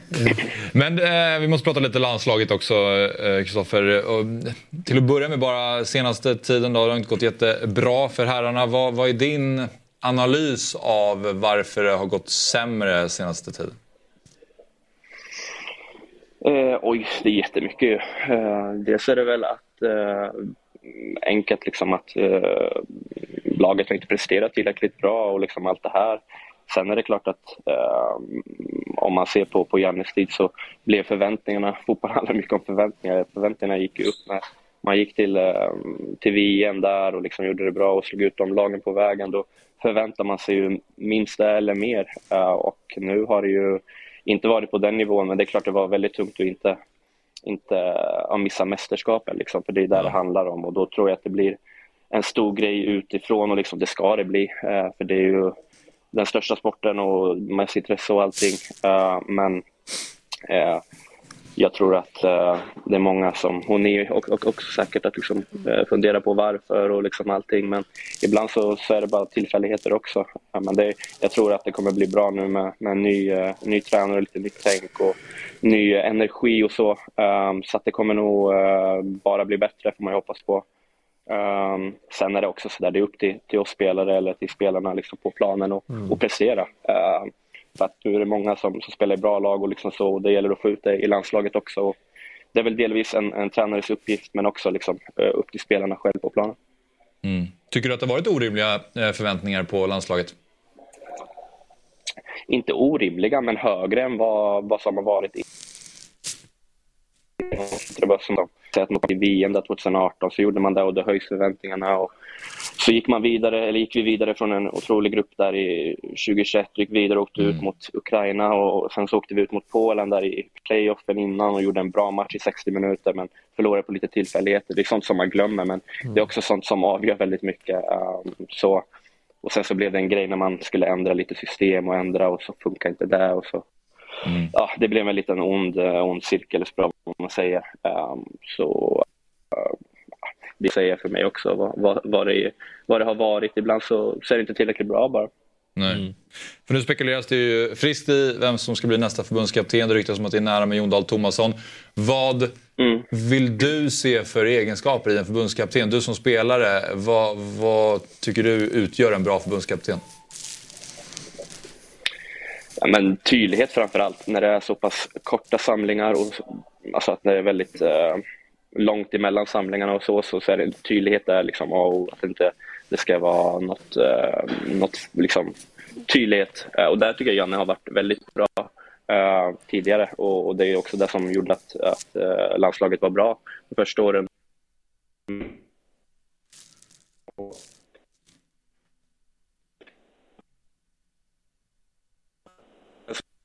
Man gäller att hitta äh, framförallt kanske de, de bästa spelarna, men hitta mixen mellan att kunna få ut det, men också ha det här som Sverige har varit bra på tidigare, liksom med ett otroligt stabilt försvar och liksom att man ska kunna vara bra på fasta och kontringar. För att, menar, det är inte så att kanske Sverige kommer gå, gå långt i, ett, i ett slutspel för att man spelar ut eh, motståndarna utan det mm. kommer vara på ett, ett bra försvar och vassa omställningar och individuella prestationer men också det här liksom att man man har några otroliga spelare nu som, som spelar på en otroligt hög nivå och liksom får ut deras, deras bästa egenskaper eh, tillsammans med det här Sverige med hårt jobb och stabilt mm. försvar och, och kämpa för, för varandra och så. Um, så det är väl en mix av det. Um, ibland så, så kan också det vara uh, lite annat med, med lite ny energi bara. Det ska inte underskattas. Nej. Alltså, hur, eh, hur tätt upplever du att ni liksom landslagsspelare följer den här jakten på förbundskapten? Och så här, hur känner man när man är så här, och det är en som tackar nej och det är två som tackar nej? Alltså, hur, vad, vad blir reaktionen av att så här, för du, ni tillhör ändå ett landslag och det är så här, oj, det är ingen som vill träna oss. Eller, de, alltså, hur, går, hur, är, hur, hur har reaktionerna varit? du? Eh, alltså, jag har inte snackat så med, med så många liksom, runt omkring så, utan jag får väl utgå från mig själv och då har det varit så där att får man, är man tränare um, och får ett uppdrag att, att leda Sveriges landslag så, så ska det mycket till för att man inte ska göra det. Det är väl så man tänker. Sen vet man att alla kommer från olika situationer och olika eh, grejer så liksom att man, man ska inte döma för att någon tackar nej eller så ja, eh, det är ett, ett, ett otroligt ansvar också som vilar på en när man, när man har det och mm. allting runt omkring så kanske inte alla är redo, redo för det och man ska man analyserar eh, varenda move man gör liksom. Eh, så det är ett otroligt stort ansvar. Eh, men det är klart att man reagerar när man tänker att det, det har varit eh, mm. snack om, om en del tränare och det kommer nej och nej men nu blir det de, de här i Danmark med undrar ja men vem blir tränare? Ja, inte en aning liksom. Ja, det är någon snackade som någon men det blev inget. Och det är klart att det, det, man reagerar, så är det ju. Uh, men det är ju också på ett sätt bra kanske att det inte har blivit något, säger man, något stressigt. Att liksom det, det blir säkert rätt när det, när det tar lite tid också. Mm. Vad tänker du om Jon Dahl Tomasson som tränare då? Har du någon, vad har du för uppfattning om honom? Eh, nej men den uppfattningen har väl att han, han var väl två, två säsonger var i Malmö eh, och det var väl två guld. Eh, så att eh, på det sättet, sen har jag inte jättebra koll på honom och, och, och så utöver det. Eh, men han var ju en otrolig spelare själv. Eh, så att eh, det kan nog vara bra också. Och sen har jag hört lite att han är, han är ganska man har pondus och är ganska hård och så. Det, det kan nog också vara, vara bra. Um, så det är väl den bilden jag har. Annars, mm. annars vet jag inte mer faktiskt. Kanske bockar av lite av det du pratar om med tydlighet och sådär. En fördel också att du förstår hans danska. Jag har ju ingenting när han snackar men du borde kunna förstå den ganska bra. Alltså, hans var ju jätte, har ju varit tydlig. Mm. Tomassons danska har varit, den, den gör sig begriplig. Okej, okay. jag tycker det har varit svårt. Och ja, Anders Brännström sa ju att den inte förstod någonting. Berätta. Men bara han håller sig till danskan, för det blir värre om man ska hålla på med det här dansk-svenskan. Det, är ju, det, det blir nästan lite jobbigt va? ja, då, då får man bara ont i magen. Men, ja. men eh, vi ska släppa dig Kristoffer. Eh, men när kommer du hem till AIK igen? Uh, man vet inte, men jag hoppas absolut spela AIK igen. Det, det, det var en otrolig tid och uh, ja, jag hoppas verkligen uh, spela AIK igen. Sen vet man aldrig, man vet aldrig i fotboll ju. Det kan gå snabbt åt båda hållen. Så vi får se, men jag hoppas spela AIK igen. Jag vet inte om du hörde det, men eh, Henok Goitom gästade ju Tutu Balutto och fick ju frågan vem är den bästa han har spelat med i AIK-tröjan. Och han har spelat med ganska många bra. Mm. Men då sa han, det är Kristoffer mm. Olsson. Mm, oj, wow. Nej, men eh, Henok var det inte så svårt att spela med. Han tog otroligt, alltså det har man lärt sig eh, med åren när man spelat med några forwards. Det var bara att slå bollen. Det var hans otroliga löpning. Alltså, man har inte spelat med många smartare än han, så att, uh, vi hade en bra kemi på planen. Men, uh, ja, kul, kul att höra. Mm. Ja. Stort tack Kristoffer för att uh, du tog dig tid för att prata lite med oss. Ja, tack själv. Ha det så bra. Tack. Detsamma. Hej. Tja. Han hade ju, alltså, det är den där typen av värvningar man vill se fler svenska klubbar göra. Alltså, dyker inte alltid upp, men, men han var ju i Midtjylland där och då. Mm. Och hade ju eh, inte riktigt tagit en, en, en plats i Nej. danska ligan. Och då la ju AIK som hade mycket pengar eh, efter Isak-försäljningen, de slantade upp ganska ordentligt. Jag kommer ihåg att det blev ju ganska stor snackis om det. Vågar man lägga så mycket pengar på en, på en ung spelare som inte ens är ordinarie i danska ligan?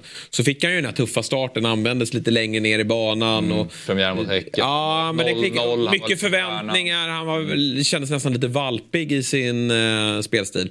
Och sen då hur han förvandlades. Norling skolade om honom lite, lite längre fram i banan. Och som Goitom sa i den här intervjun då att när AIKs spel låste sig då var det ju att man pratade i omklädningsrummet att nu måste vi ge bollen mer till Koffe så kommer han lösa mm. det här. Och det var ju, han var ju bäst i året, eh, 2018. Mm. Nu eh, går vi till en liten paus och när vi är tillbaka då ska vi prata Stryktipset och sen så kommer Gusten Dahlin till studion.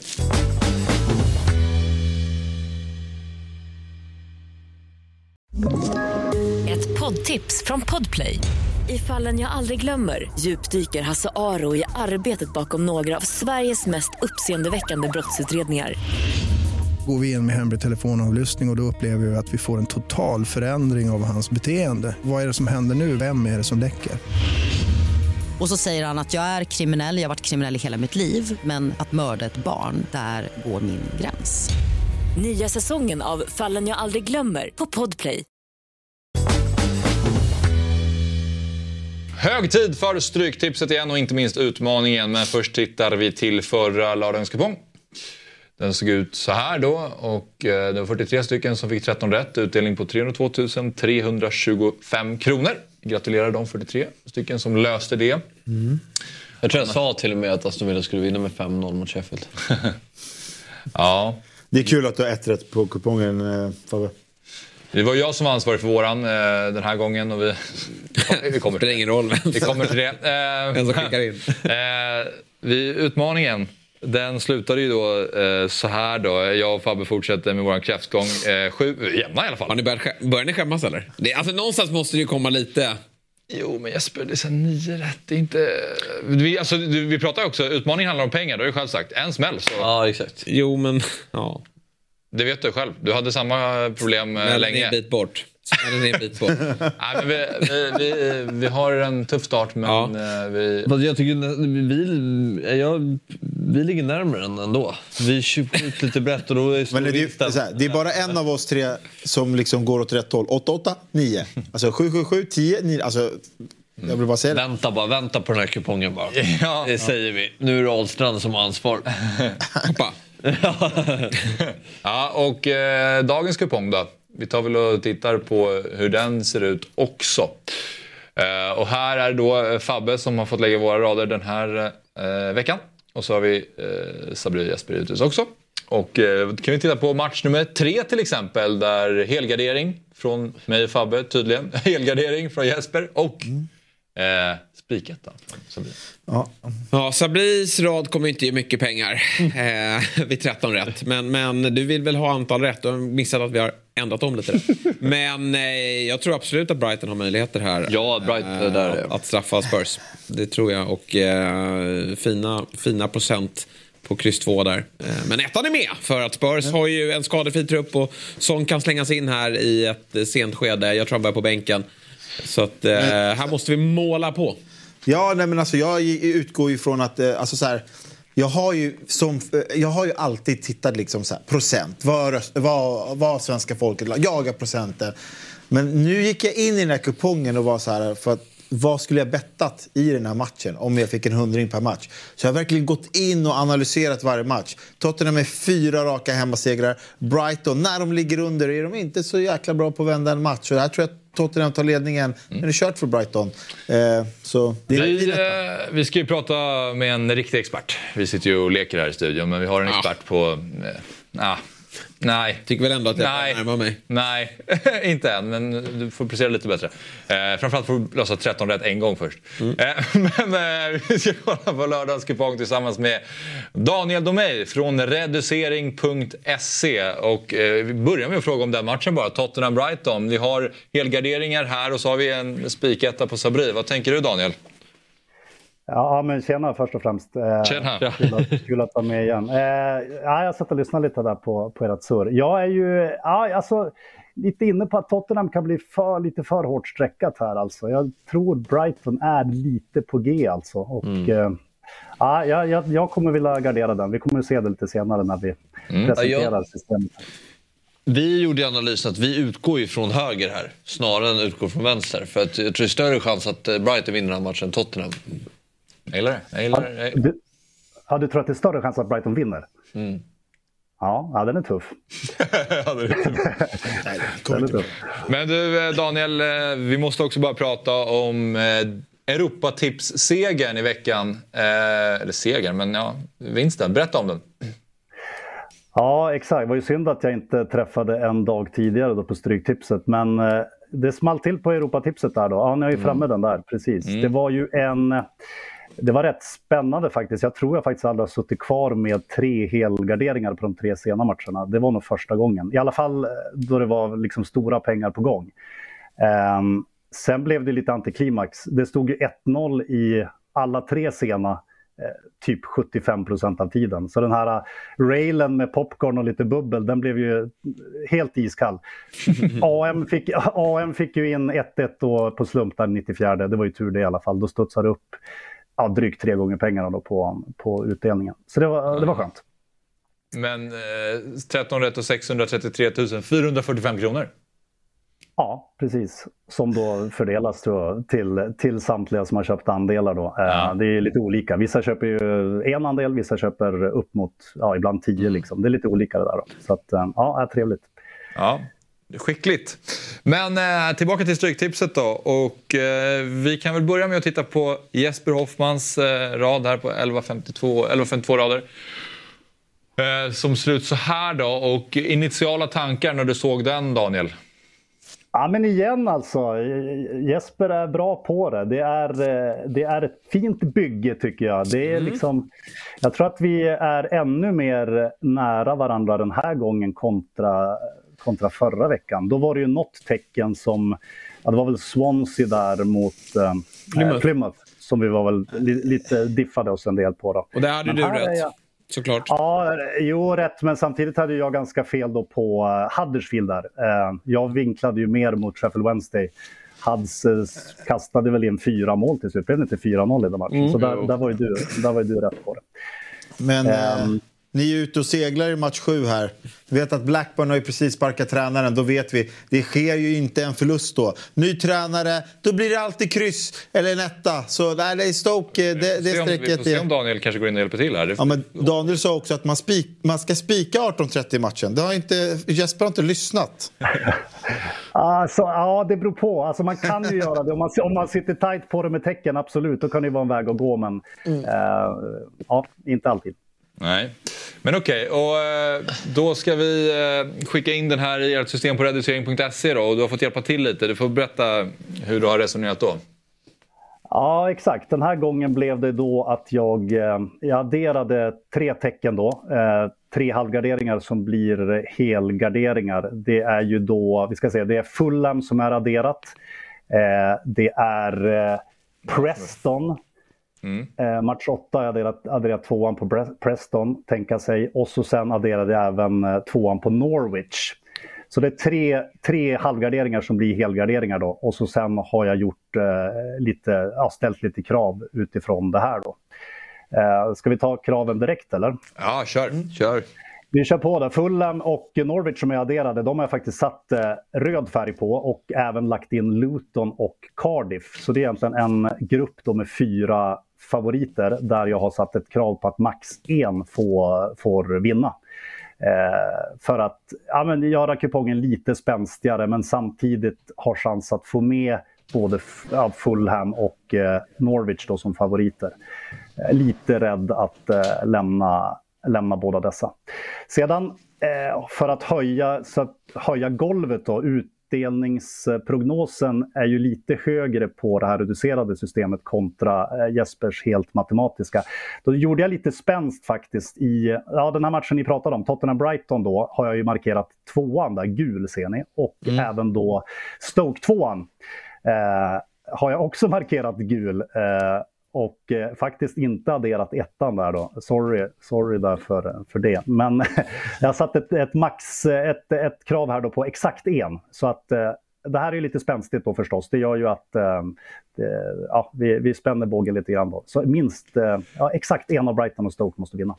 Mm. Och då är det alltså 11.52 rader som har blivit på något magiskt sätt eh, 3-8-8-8. Ja, upp och vänder på 3, 8, 8, 8 hur många 8 blev det? Det blev universella sekreterare. eh, och så tillbaks då till 11,52, exakt. Eh, så att eh, precis lika stort system, kostar lika mycket som Jespers, men lite fler tecken, tre tecken fler, samtidigt som vi ställer lite krav, lite krav på det då, och tar kontrollen över systemet. Som det händer i helgen alltså. Det är verkligen känslan och man får så mycket mer för pengarna här.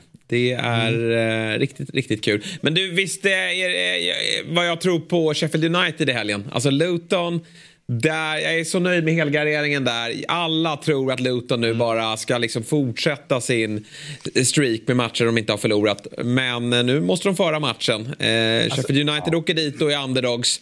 Perfekt läge. Ett, ett problem, eller ett, en grej som är i den matchen som jag inte tror folk väger in. Det här är två Championship-lag som har mött varandra väldigt många gånger också. Så är det något lag som, alltså, de möttes ju förra året till exempel. Mm. Så det, det, är en helt annan matchbild för, för Luton. Men de, de är starka vecka hemma. Och Sheffield är usla borta. Så. Ja, de är, ja. Vi, men vi, vi kan krysset där. Vi kan, vi kan drömma om Sheffield om ni vill. Vad säger du Daniel? Ja, vi kan väl konstatera att det luktar mål i den där matchen i alla fall. Jag har själv spelat på ja, minst tre mål i den där matchen. Då. Jag, alltså, ni, ni, alla såg väl Luton här senast. Vilken mm. ja, trevlig offensiv, men vilka svängdörrar bakåt. Och så Sheffield United, det är väl svängdörrar eh, precis 24-7. ja, men den, den, eh, jag håller med dig Jesper där. Det är onekligen en sån match där hela kollektivet, eh, det blir lite public på den ettan på Luton. Nu tror alla att de är bäst i världen, men det är inte jättestor skillnad på de där lagen i grund och botten. Alltså, så är det ju, om ens, om ens någon skillnad alls. Alltså. Så att, äh, jag, jag gillar också högersidan där. Har du något sista tips här eh, till alla som ska sätta tänderna i den här kupongen? Något generellt bara, något lag som du tror att man kan gynnas av att kliva på till exempel? Eh, med glädje såg jag ju spiken här på Hall mot eh, Swansea. Det är ju kanske den, den är ju rätt hårt sträckat, men det är ju möjligt att streckprocenten kliver ner lite grann där med tanke på att den är lite överstreckad i nuläget. Då. Men jag tror Hall är en riktigt fin vinnare där mot eh, Swansea. Mm, det, är väl, det är väl ett, ett ett, en spik att ta med sig till, till helgen. Eh, sen kör vi ju ett andelsspel också igen då. Det var ju ingen succé på förra, förra helgen då. Vi, men vi lägger upp en till där. Fotbollsmorgon får ett eget system då som jag ska ratta. 100 kronor per andel så det kan ni också hitta inne på reducering.se. Då. Hoppas vi på lite bättre, eh, lite bättre ja kanske Europatips-feeling eh, även över Stryktipset den här helgen. Ja, det ska ja, vi göra. Kul. Stort tack Daniel. Vi tack. följer upp det här nästa vecka. Ja, men absolut. Tack så mycket. Vi ses. Trevlig helg. Hej. Ja, detsamma. Tja. Ja, eh, andelsspel från vårt håll hittar man på dobb.one slash stryktipset. Mm. Om man vill rygga våra rader. Och Stryktipset det är en produkt från Svenska Spel, Sport och Casino AB, åldersgräns 18 år. Och om man upplever problem med spel så finns stödlinjen.se. Vi tar en kort paus nu, eh, sen ska vi gå in i Fabbes lista och då har vi kommit till plats 10 till 6. Sen kommer Gusten Dahlin. Ja, det är alltså de bästa niorna från 10-talet eh, fram till idag. Plats 10 till 6. Vi börjar direkt med plats nummer 10. Och eh, där hittar vi Edinson Cavani. Precis. Mm. Vi hade eh, Iguin senast på elfte plats. Nu Cavani.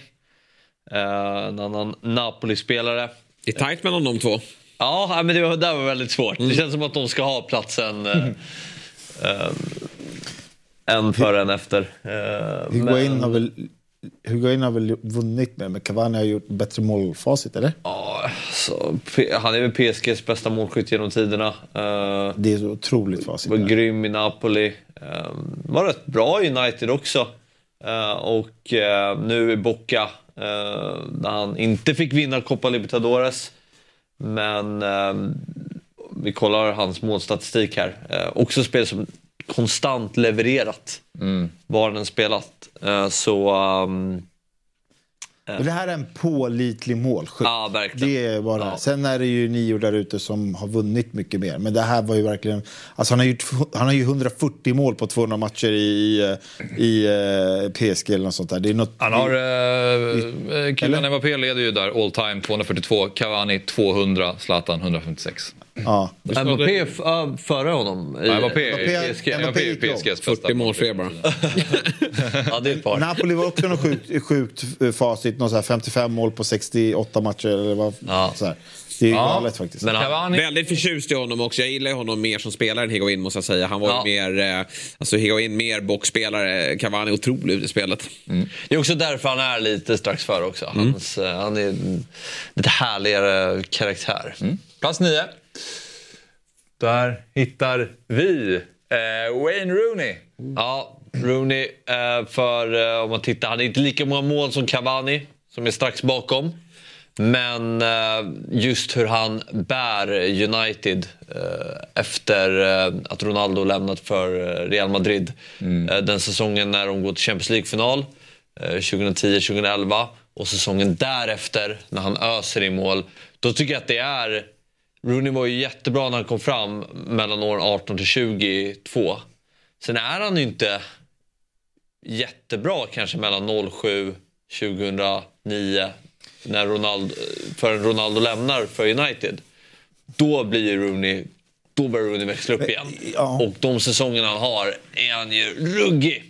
Han är ruggig. Jag har lite svårt att veta om det är efter 10-talet eller innan. Men ja, jag vill nästan ha honom högre upp. Lite alltså. högre. Nej, fast... Impact ja. han har på laget också. Liksom så här, för Ja. jag, jag, man, jag kan ju räkna ut bara vilka spelare du kan ha. Men alltså, du, du säger att han, han bär ju ett United liksom på sina axlar. Mm. Och är otrolig. Inte bara så här, ah, han måste göra mål. Utan det, han har ju sån annan Mm. stor impact på laget. Så kanske att Wayne Rooney då skulle vara lite Men vi, högre upp här. men vi ska komma ihåg att det här är sedan 2010. Ja, men, ja. Alltså, är han jag är ju- på din sida där. Att jag har inte riktigt koll på... Liksom, Alltså, det, han är ju, när han kommer fram i EM 04, är han ju eh, en av världens bästa spelare. Fram till nu. Men sen är det ju några år där han inte är... Är han sämre eller är det bara att Ronaldo sticker ut mer? Ja, kanske är att Ronaldo sticker ut mer. Men han, han blommar, ju upp, blommar ut igen när Ronaldo lämnar Ja, eh, Real Madrid. Och eh, då är det ju verkligen Wayne Rooneys United som, som han leder till en Champions League-final, till Premier League-titlar. För det är ju inte jätte... Alltså Uniteds lagbygge, jag har kollat på det eh, när jag gjorde den här listan. Alltså de säsongerna, det är inte... Det är inte så många världsstjärnor i de, i de lagen efter Ronaldo. Och ändå lyckas ta till Champions League-final, ändå vinna ligatitlar. Det är imponerande. Och sen dock, ska det nämnas... Eh, men, Kör, kör. Ja, dock ska det nämnas, men han får vänta lite. Dock ska det nämnas att när de vinner eh, eh, Premier League-titeln, alltså efter City 2012-2013, det är väl kanske mer van Persies ligatitel än, än Rooneys. Eh, men innan dess, fantastiskt. Jag kan köpa just eftersom det är från 2010 framåt. Eh, plats nummer åtta. Nu börjar det ju brännas ordentligt här. Ja, då Haaland. har vi Haaland. Eh, jag känner ändå att han måste vara med och han har också levererat eh, under många år nu. Det är fler än bara den en och en halv säsongen i Manchester City utan det är ju tidigare säsonger i Dor- Dortmund. Det är också i Salzburg, ska man inte glömma. Eh, den CL-hösten han gjorde där. Gå till Dortmund, leverera direkt, leverera från första dagen i Manchester City. Redan vunnit skytteligan två gånger. Redan vunnit skytteligan två gånger, eh, vinner väl en tredje Nej, gången nu. jag har inte gjort så många mål i Champions League den här, den här upplagan faktiskt. Ja, det var i Champions League så? Ja. Jaha, de vunnit... ja, Premier League kommer jag ju Ja, vinna. exakt. Ja. Ja. men, han har redan slagit målrekordet i Premier League. Ja. Och, Bara en sån. Ja, nej. Men det här, här får man, ju- det är en svår avvägning såklart. Ja. Ganska kort tid. Men ja, nej, han ska ju vara med. Så bra har han hittills varit redan. Och om, om, han leder ju den här listan när vi pratar 20-talet sen. Det gör han Det kommer han göra. troligtvis. Men, ehm, Plats nummer sju då. men det är klart, det är inte lika rolig spelare som Rooney. Nej, det är han. det är roligare att prata Cavani och gamla. Nu börjar det bli riktigt tunga gubbar här. det går fort! Agüero. Oj, Han ska ju in. Här, nu börjar det, nu börjar det bli svårt. Nu gäller det svårt att alltså, sortera in Ja. spelarna här. Nu blir det tufft. Nu kommer, nu kommer chatten brinna. Och det är jag redo, det är redo för. Och här har vi Agüero. Uh, jättebra Atletico Madrid. Uh, levererar direkt till City. Och, eh, Nej, kan inte City. Det måste vara, han var ju där 11-12 va? 11-12. Ja. Det är väl Citys alltså, största legendar. Det är väl deras, alltså, den, den största spelaren som dragit på sig City-tröjan. Ja, det måste nästan vara.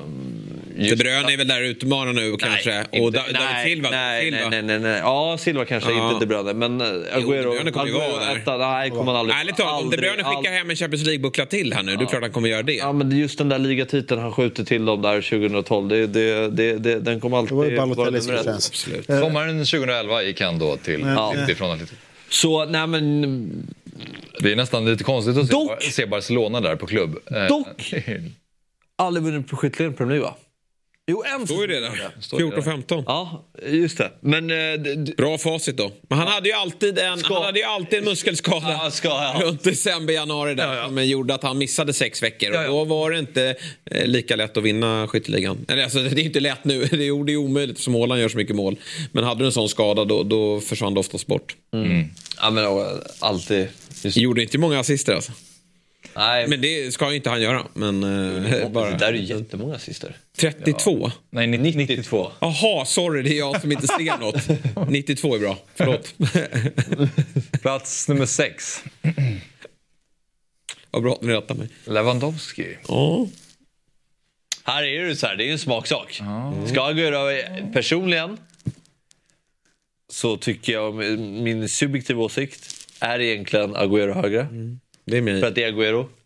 Men här måste jag vara lite objektiv. Men det är din lista. Allvarligt talat. Nej, men jag tycker Lewandowski är lite bättre än, än uh, Agüero. Eh, jag, tycker, eh, jag tycker han har lite bredare register än vad Agüero har. Och just på den nivån... ah, båda har levererat under Nej, jag håller tid. högre. Gör du det? Ja. 515 Jag är lite färgad där. Jag, jag har ju Det är- sett honom så mycket Nej, mer också. Ja. Men jag tycker att han har ju verkat lite för länge i Tyskland liksom. Men eh, ja, hans Det- facit i Champions League eh, säger ju hur bra han är. Alltså, jag, jag ifrågasätter inte Lewandowski, det vill jag vara tydlig med. Kolla antal mål. Och i, och i Polen också. ja. Vad säger Sabri? Ja, men det... Nej, jag är ju stundtals jag är jättebesviken på listan överlag så jag vet inte riktigt hur jag ska Nej, koppla här. Zucker ska väl in här någonstans. Ja, vad har du, Men jag- vad är det för grek som ska in nu då? De här topp- Samaras. Nej, men så här, Han kommer.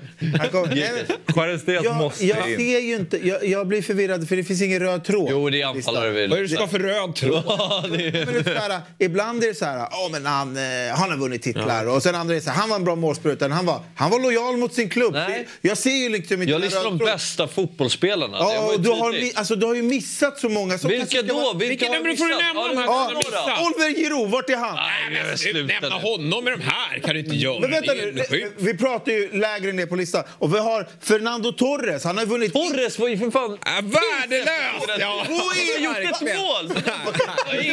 Torres sitter topp Vänta, vänta, 100. vänta. Sluta nu. Ja. Två Europa League, Europa League! ett VM och, t- och två EM har han vunnit på roll. Han var inte, han var 2000-talet. inte tongivande. Nej. Han var är inte topp tongivande. 100. Vart han var- Han han inte in på topp... Han, är, han har varit tongivande i Spanien. Guidetti före. Han har, tongivande. har vunnit Europa League, man har vunnit Champions League, man har vunnit VM, man har vunnit två EM. Jo, Herregud. Europa League. Han är med i Mobile! Östin. Va? Östin mål i ett lag som absolut inte ska komma över topp 5 i Serie A. Vardy har han med. Men alltså du vet, men fortsätt med din lista. Jag, Ja, jag, men Giroud skulle kunna vara med där uppe. Det håller jag faktiskt med dig om. För Ja. att- Jo, det Giroud och, alltså, och Fernando Torres ska vara med här. Nej. Ni tänker på att han floppade sen när han gick han till. Chelsea. Han, ja, han är helt otrolig i Ja. Liverpool. Aubameyang Men har du inte med. vunnit. Nej. Va? Aubameyang har du inte med. Där går... Där Det här är från 2010 och framåt, du måste komma ihåg det. Det är ju faktiskt De, det är ju de här inte bra. titlarna jag nämnde nu är 2010. Nej, men Tor- Torres är ju slut. Men... Eh, Vi måste gå vidare. Ja, men det blir kul att se var, var Zlatan hamnar. Eh, Jag är, han ska ju vara topp fem, men det blir väldigt intressant att se till nästa vecka. Men Aubameyang har du missat och där... Nej, jag har inte missat honom. Han ska inte in där. Ah, okej. Det är det jag menar med röda tråden. här. ja. Diego Costa är ju med. Nu Costa. Giroud. Hur har man inte med Giroud? så. Otroligt. Ja. Eh, nästa vecka då, som sagt, då blir det plats 5 till 1. Eh, vi ska prata Champions League med Gusten Dahlin.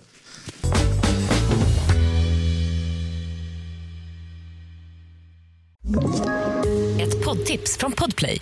I podden Något Kaiko garanterar östgötarna Brutti och jag, Davva, dig en stor dos skratt. Där följer jag pladask för köttätandet igen. Man är lite som en jävla vampyr. Man har fått lite blodsmak och då måste man ha mer. Udda spaningar, fängslande anekdoter och en och annan arg rant. Jag måste ha mitt kaffe på morgonen för annars är jag ingen trevlig människa. Då är du ingen trevlig människa, punkt. Något Kaiko, hör du på Podplay. Därför är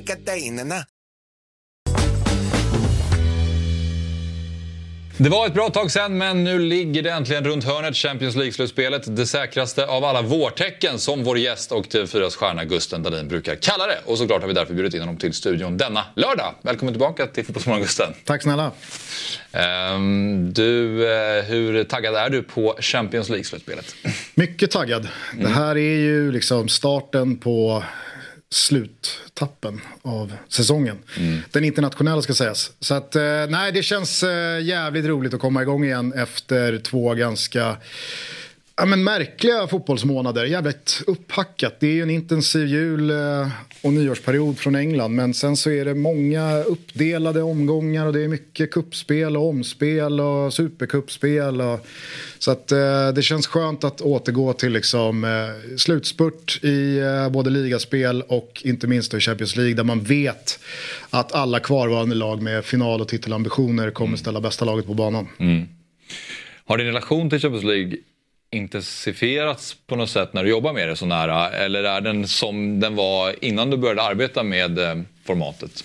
Eh, jag vet inte. Det är väl klart att på ett sätt så har den ju intensifierats i och med att den är en större del av ens arbetsliv mm. än vad den har varit tidigare. Men eh, pepp peppen och entusiasmen och kärleken kring eh, och till Champions League är nog oförändrad. Mm. Eh, det har bara varit jävligt roligt och mäktigt och privilegierat att få jobba med den. Och Ja, men, sen så kan väl jag också eh, ibland hamna på den sidan att man missar en del av njutningen mm. när man jobbar. Mm. Men så är det ju för alla som i den här branschen jobbar med, ja. med matcher. Eh, många tittare kanske tror att bara för att man jobbar med en match, i synnerhet om man är på plats, mm. så är det liksom popcorn och bärs och luta sig tillbaka och njuta av 90 eh, plus tillägg fotboll. Utan det är ju snarare så att man är lite överallt men inte i själva matchen. För att man ska få ihop en halvtidsstudio och en efterstudio och det ska vara intervjuer där. Och Kim sitter med något rit och Lustig ska ha något annat och Frida har någonting på gång nere i Milano och mm. Lund måste få den här frågan och sådär. Så mm. att, eh, det, är, det, är, det är mycket det som försvinner. Sen som jag såg inte ens första halvlek, vad fan. Nej men i, i, ibland så kan det vara lite så att man kommer hem och så är det så här var matchen bra? jag vet inte riktigt. Jag vet vilka detaljer vi har pratat ja, om, men jag vet precis. inte hur hela bilden var. Nej, så det är väl så, på så sätt har det förändrats. Ja, jag fattar. Och så är det då eh, åttondelsfinalerna som är upplagda för ett ännu roligare nästa steg, mm. eller hur? Eller hur ska mm. man se det? Nej men verkligen. Eh, och jag tillhör ju kategorin eh, Champions League-konnässörer eh, som gillar att de stora elefanterna dansar med varandra. Mm. Den här säsongen var ju lite på förhand upplagd. Alltså vi saknade Liverpool och vi saknade Juventus. Och mm. Det kändes väl som att äh, men, äh, gruppspelet var lite en transportsträcka mm. mot slutspelet. Och sen så följer sig åttondelarna så att om det slutar som jag tror mm. så kan det bli kvartsfinaler där den ena kvartsfinalen är bättre än den andra. Mm. Och trädet byggs och det är klart och sidorna finns på pränt och sådär. Så att, mm. äh, jag, tror att, äh, jag tror att vi kommer få en äh, jävligt rolig slutspelsvår. Ja. Vilken är drömfinalen för dig? Man brukar prata om att tippa mästare och sådär och så gör man det tidigt och så är det svårt för man har inte alla förutsättningar. Men om du bara får välja så här, den clash som du helst skulle se där i maj, eller är det juni till och med? Det är väl första juni, första juni. i år. Mm. Så chansen finns ju för ett El Clasico. Mm. Och det vore ju någonting. Mm. Det har ju aldrig varit en Champions League-final. Real Madrid mot Barcelona. Även fast jag inte tror att Barcelona eh, kommer vara i närheten av en final så det är väl klart att den hade kittlat. Ja. Den hade lockat. Mm. Säger ni? Arsenal mot eh, Bayern München. Uh, Harry Kane ställs mot sin gamla rival uh, i kampen om bucklan. Tycker jag hade varit någonting. Uh, om Arsenal kan ta sig hela vägen dit. Mm. Så jag säger det. Nej men Real eh, såklart. Man vet ju att eh, jag vill ju inte ha City eller Inter i någon final. Eh, så. Men kanske, och då är det så här, tänker jag så här, vil- vilken kan bli den roligaste matchen? Och då, då är jag lite inne på kanske Bayern München, kanske PSG. Att det, kan bli, att det kan hända ganska mycket grejer i de där matcherna. Att det kan bli mycket mål och sådär. Fick du den finalen 2020? Ja. Stendöd. Ja, men nu, Riktigt dassig final. nu är det lite annorlunda publik. Ja, ja, alltså det är klart att det är andra förutsättningar nu, såklart. Wembley och fullsatt och det är något annat, självklart. Precis, det är eh, på Wembley också. En ganska viktig krydda för min match där också. Ja, just det. Det är helt läckert. Ja. Men Sabri, eh, du har ju fått i uppdrag att eh, ta fram din spåkula inför slutspelet. Och så tänker vi att Gusten ska få reagera lite och, så, eh, och reagera på Sabris val här. Och berätta vad du har fått i... Nej, men jag fick i uppgift då att ta ut kanske åtta spelare som jag tror kommer bli vikt, viktiga för sina lag. Men då skulle jag också ta ut de som jag tror går vidare här. Ja, precis. Eh, och då har jag väl tänkt ja, på ett konstigt sätt ibland. Men ja, det, jag tänkte... ehm, jag vet inte hur jag tänkte, men jag har eh, landat i vissa spelare som jag tror kommer, eller som bör vara viktiga för lagen. Sen, sen var det ju svårt. Med vissa, alltså, vissa klubbar är ju verkligen... Fan vad du bäsar dig själv här. Nej, men, nej, men, nej, men alltså, du, vissa är ett kollektiv. Det är svårt att plocka ut en gubbe som ska vara så här, han. Alltså förstår du? För att man säger, ja, det är klockrent att det är Mbappé i PSG, men jag har ju valt någon annan till exempel. Ja, okej. Sen är det ju den eh, andra, vilka som går vidare från de här matcherna, den är lite snällare med tanke på att det är ganska tunga favoriter de flesta. Men eh, vi eh, tar väl Arsenal då till att börja med. Som du menar då eh, tar sig vidare från matchen mot Porto. Mm. Men det är den som jag har varit lite inne på att jag tror att Porto kan skrälla. Men jag tror ändå att Arsenal, ah, men känslan är väl att de löser det här i alla fall. Eh, och, äh, men det, det, det, för mig stod det mellan kanske att både Declan Rice och Saka, men Declan Rice är bra. Saka måste upp till den här nivån som han hade förra året. För de, Arsenal är så beroende av honom, eller de gör sig beroende av honom för att de spelar väldigt liksom, mycket kantspel och så här. Så är viktigt att Saka kommer upp i den här nivån som han hittade förra året för att Arsenal då ska gå långt, mer än bara förbi Porto. Mm. Vad, vad tror du om Arsenal, Gusten? Tror du, hur långt tror du att de kan gå? Nej, men det är väl klart att eh, man ska gå förbi eh, Porto eh, oavsett hur de matcherna artar sig. Eh, sen så finns det ju, det visade ju inte minst fjolårssäsongen att det finns eh, tuffare sidor av slutspelsträdet och det finns lättare sidor av slutspelsträdet att hamna på. Och Arsenal är ju ett lag som eh, absolut ska gälla som favoriter mot majoriteten av kvarvarande lag. Men som absolut ska vara underdogs mot ett par. Mm. Så jag tror ju inte att Arsenal eh, springer till en final bara sådär.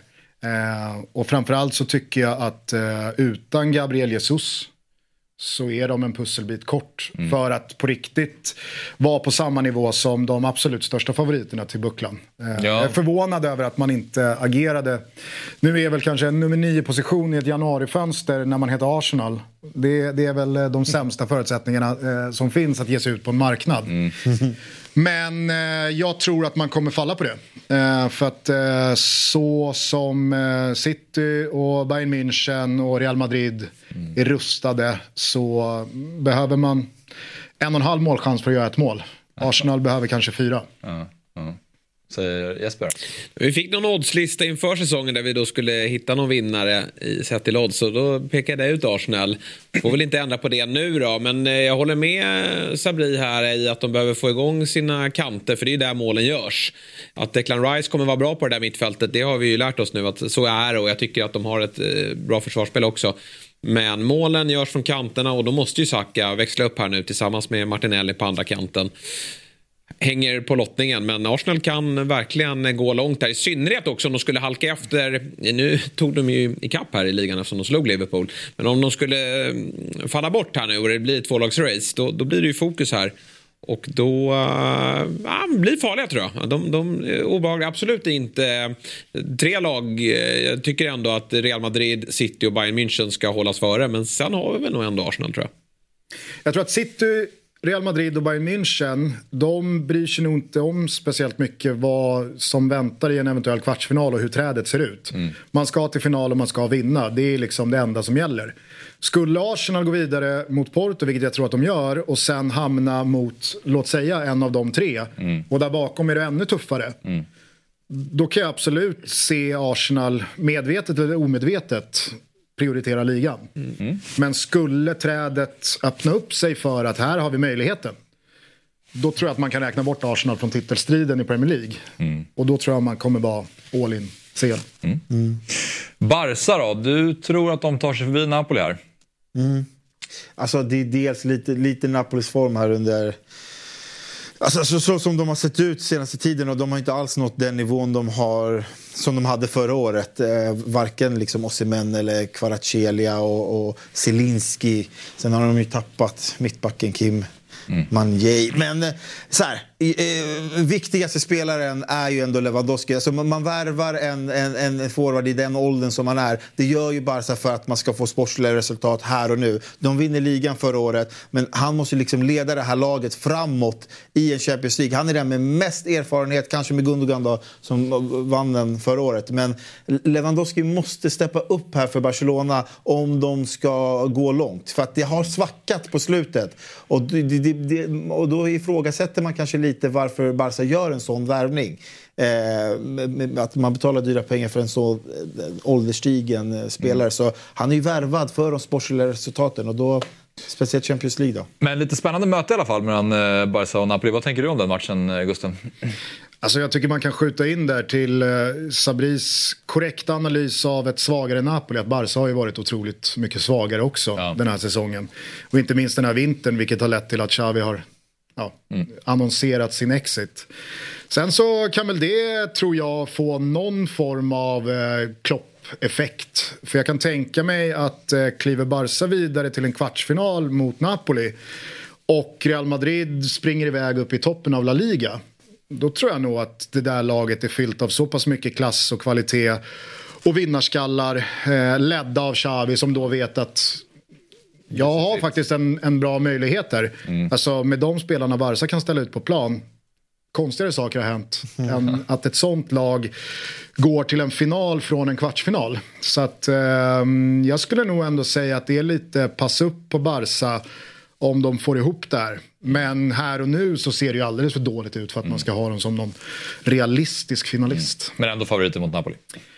Ja, så de som har eh, sett Mazzaris Napoli, de eh, håller nog de flesta lag som är kvar i den här turneringen som favoriter Ja, mot Napoli. Som favorit. De är, de, är, de är riktigt, riktigt kassa framåt framför allt. De, de, de håller väl ett par nollor liksom, men det är, de är väldigt utelämnade till Kvaratskelias individuella briljans. Nu kommer väl Osimhen tillbaka här efter ett förvisso långt och påfrestande Afcon, men eh, nej.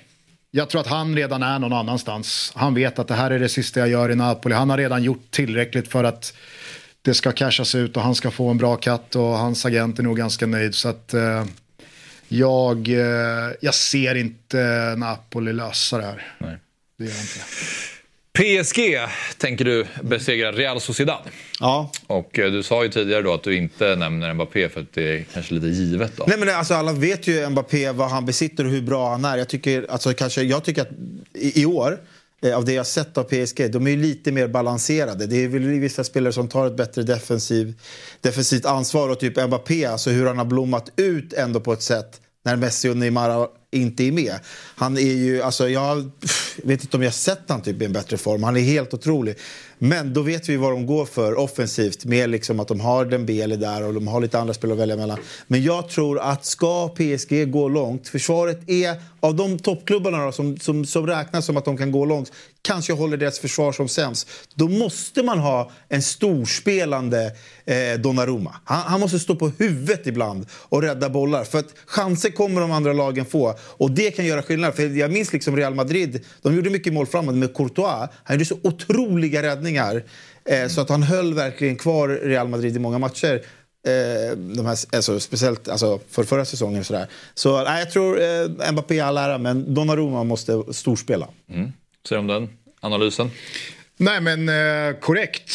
Däremot så tror jag inte att eh, den kommer uppfyllas. Nej. Jag har någonstans börjat inse att Donnarummas tak är nått. Alltså, det här är den nivån han håller. Han har inte Courtois-nivån i sig. Nej. Han kommer släppa ett par billiga, han kommer släppa ett par dumma returer, han kommer ta ett par märkliga beslut.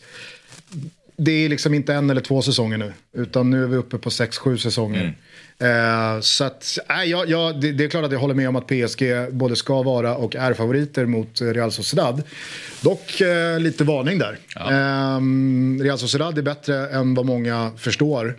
Man vinner en grupp med Inter och Benfica i höstas fullt rättvist.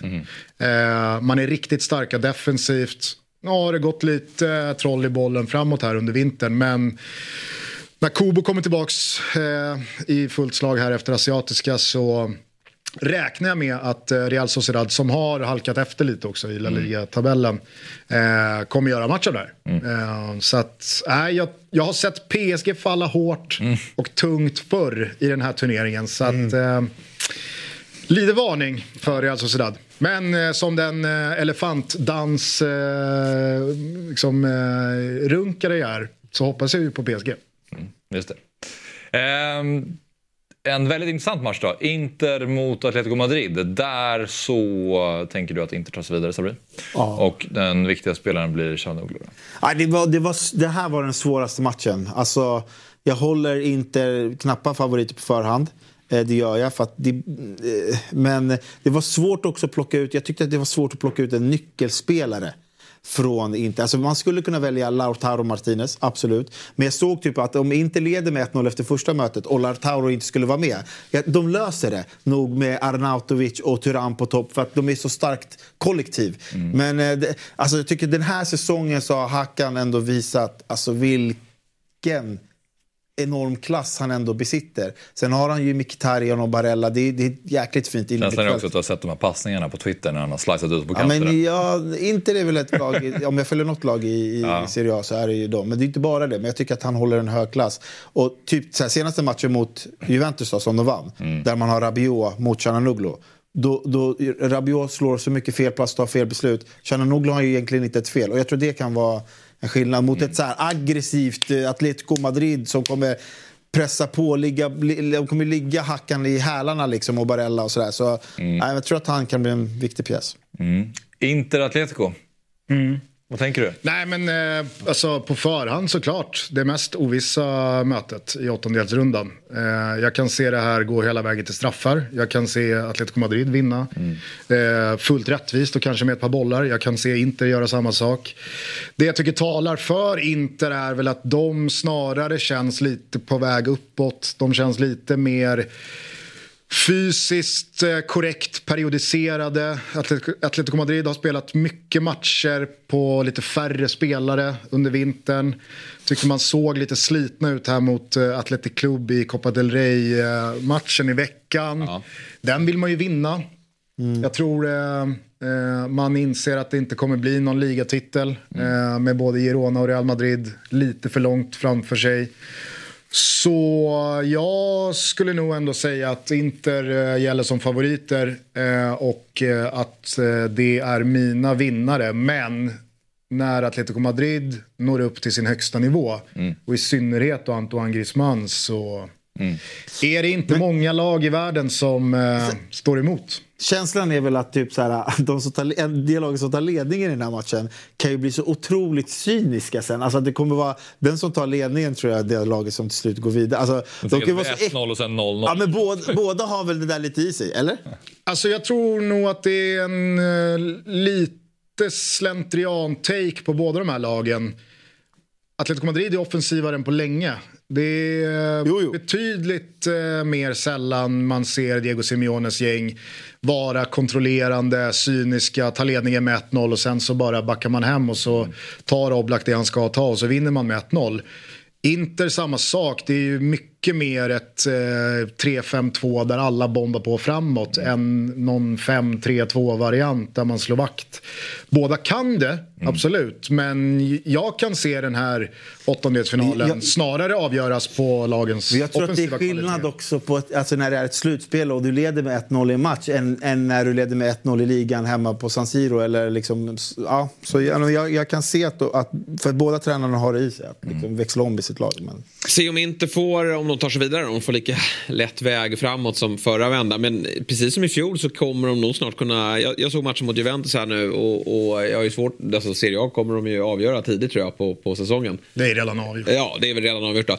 Eh, och, eh, men i fjol var det avgjort för att Napoli hade gått och tagit det och då kan de ju bli farliga. Det är ett tungt lag att brotta ner över två omgångar. Det är två matcher, det tror jag att alla tycker. Så det, är liksom, det här är ingen... Liksom på förhand, som, som jag hoppas ju precis som Gusten, att det är elefanterna som tar sig vidare här. Och då kanske många känner att ah, men Inter typ blir den lätta lotten. Men Ja. det blir det ju verkligen inte. Utan det blir en jäkla tuff nöt att eh, ta sig an. Så att inte farliga. Är det, tycker du att det är lite fördel inte här då eller? eller är det helt, ja, lite fördel inte. Ehm, PSV Eindhoven mot Dortmund. Ja,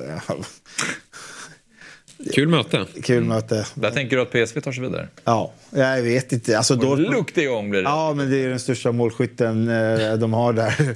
Konstigt nog, du som är på Barca och sådär. Men eh, det, här var... det finns lite klass ja. Jag vet inte. Det, det, det här var, jag vet inte. För många kanske en jätteintressant match. För mig lite ointressant. Alltså, jag, jag har inte fastnat för... Jag har, jag har älskat gamla Dortmund. Men det här Dortmund som är nu jag, jag hittar inte känslorna. Jag försöker hitta någon spelare, någon så, här, så kollar jag på fullkrug och så alltså, jag bara fast, jag fastnar inte för det här Dortmund. Men jag är otroligt imponerad av vilket gruppspel de gör med eh, den gruppen de hamnar i, liksom med Newcastle, Milan och eh, PSG. De gör det ju helt otroligt. Det, det var inte många som tippade att de skulle vinna den, gru- den gruppen. Men, eh, så, men jag, jag tror väl att det är lite fördel eh, oddsmässigt på Dortmund. Så jag satsar ju på att eh, PSV tar sig vidare här. Som ändå dominerar den holländska ligan. Ja. Vad tänker du här Gusten? Jag har följt eh, PSV mycket mer noga än jag brukar. I och med att de eh, gick upp till 17-0-0 Just hemma det. i Eredivisie. Det är galet. Eh, det parallellt med att man då kliver vidare från sin Champions League-grupp. Det är ju en höst som... Alltså, det, det, det, det går ju Är det- är det för bra, att göra mer. Är det för bra kanske? Nej, men samtidigt så tycker jag att man såg lagets begränsningar. Om än tidigt in på säsongen, när de sprang in i Arsenal så var det, det var klasskillnad. Eh, så att jag, jag tror nog att eh, vi kommer få oss en påminnelse om att toppen av Bundesliga är en nivå upp från toppen av den holländska ligan. Eh, så det är väl klart att eh, Borussia Dortmund eh, ska gälla som favoriter, men självförtroende, it's a powerful thing. Eh, Så att eh, jag ser absolut inte som omöjligt att PSV bara rider på sin våg här. Eh, och på tal om avgjorda ligaspel så kan man ju verkligen vara all in eh, i, det, i det här dubbelmötet. Så att, nej, jag, jag ska absolut inte räkna bort eh, Luke de Jong och gänget. Men jag tycker, jag, jag gillar Edin Terzic som fan, Borussia Dortmunds tränare. Tror nog att det kommer vara en tränare som håller sig på den här nivån många, många år. Eh, så att, eh, nej, det, det, jag fattar ju att det, det kanske inte är liksom kioskvältar åttondelen. mötet. Men eh, intressant på sitt Det sätt. finns ändå lite ingredienser som gör det Verkligen. Men eh, ja, nu har de ju 18-2-0 då, så två kryss har jag tagit in. Men Båda de, eh, b- båda de kryssen är de två matcher jag spelat PSV. Såklart. Okej. Då får du säga till om du spelar dem mot Dortmund så vi vet. Eh, ja, sen har vi då Bayern München som ska ställas mot Lazio. Ja. Och Det finns bara en här gubbe var- här. Du behöver liksom inte säga så mycket. Nej, men han är ju där för att vinna titlarna. Jesper Hoffmans favoritspelare genom alla tider. Ja. Nej, inte genom alla tider. ja. Din favorit är det. Ja. Nej, Eh, så- det finns väl... behöver inte stanna kanske så mycket där. Men Nej, han, är, han är värvad för det här, för att vinna titlar. Och det, det, är nu, han måste ju, det är nu han måste bevisa sig. Alltså han, bevisa sig behöver inte Harry Kane göra, men liksom, nu måste han ändå visa att det jag Nu har han fall nu har han större, bättre förutsättningar för att vinna. Ja, men, jo, men Det är ett jäkla halvår han har framför sig här nu med att eh, försöka ta, vinna så mycket som möjligt då, med Bayern München. Och sen då kliva in i Tyskland då, med sitt England i EM där de faktiskt ju är oddsmässigt då, favoriter. Så att han, eh, det är nu det gäller för Harry Kane. Nu, ja, han får ju ny chans nästa år med Bayern München såklart. Men eh, nej, han behöver vara i form. Bränner väl allt här va? Ja, det kan ju vara så. Det kan ju vara så. Med start i helgen. Jag tror inte att uh, Bayern München uh, vinner vare sig Champions League eller Bundesliga. Eh, Jag har dem- och med tanke på att man redan är ute då? ur... Eh, nej, det tror jag inte heller England gör. Eh, jag, tror, jag tror Frankrike vinner. Men eh, det är så långt bort. Mm. Men jag tycker verkligen inte Bayern München har eh, visat eh, egentligen någonting under Tuchel som talar för att man ska gå hela vägen till final i den här turneringen och eh, slå de bästa lagen. Eh, däremot så är det ju inget snack om saken här mot Lazio i åttondelen. Jag tror att det kan bli riktigt blodigt.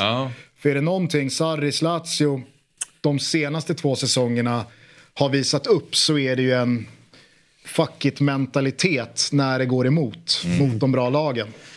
Och är det någon som jagar mål och är det någon som jagar eh, eftertryck här i både skytteliga och legacy så är det ju Harry Kane. Så att eh, jag kan se det här verkligen, verkligen rinna iväg och inte mig emot. Fan, bollen inte med. Chiro Immobile. Har du sett han? Va? Har du sett Chiro Det är Immobile? otroligt att Chiro Immobile tar sig in på den där topp 20-listan. Det är provocerande faktiskt. Ja, men eh, apropå blodigt då. City-Köpenhamn. Eh, det känns som att det kan bli rätt stora siffror. Från Elfsborg till City då, eh, för eh, Köpenhamns del. De mötte ju dem i en träningsmatch här och hade Mm. lite småkämpigt. Från Per Frick till Erling Haaland. Ja. ja. Nej, men... eh, Men blir det så blodigt då? jag vet inte, jag tänkte fråga Är inte det här classic eh, Pep på Manchester City? Varför hålla på och bränna 3% extra krut i en åttondel Mm. som redan är avgjord? Jag tror att, alltså, eh, jag, jag kan till och med eh, se FCK få med sig ett resultat från parken som gör att det här lever Mm. till returen. Alltså en uddamålsförlust.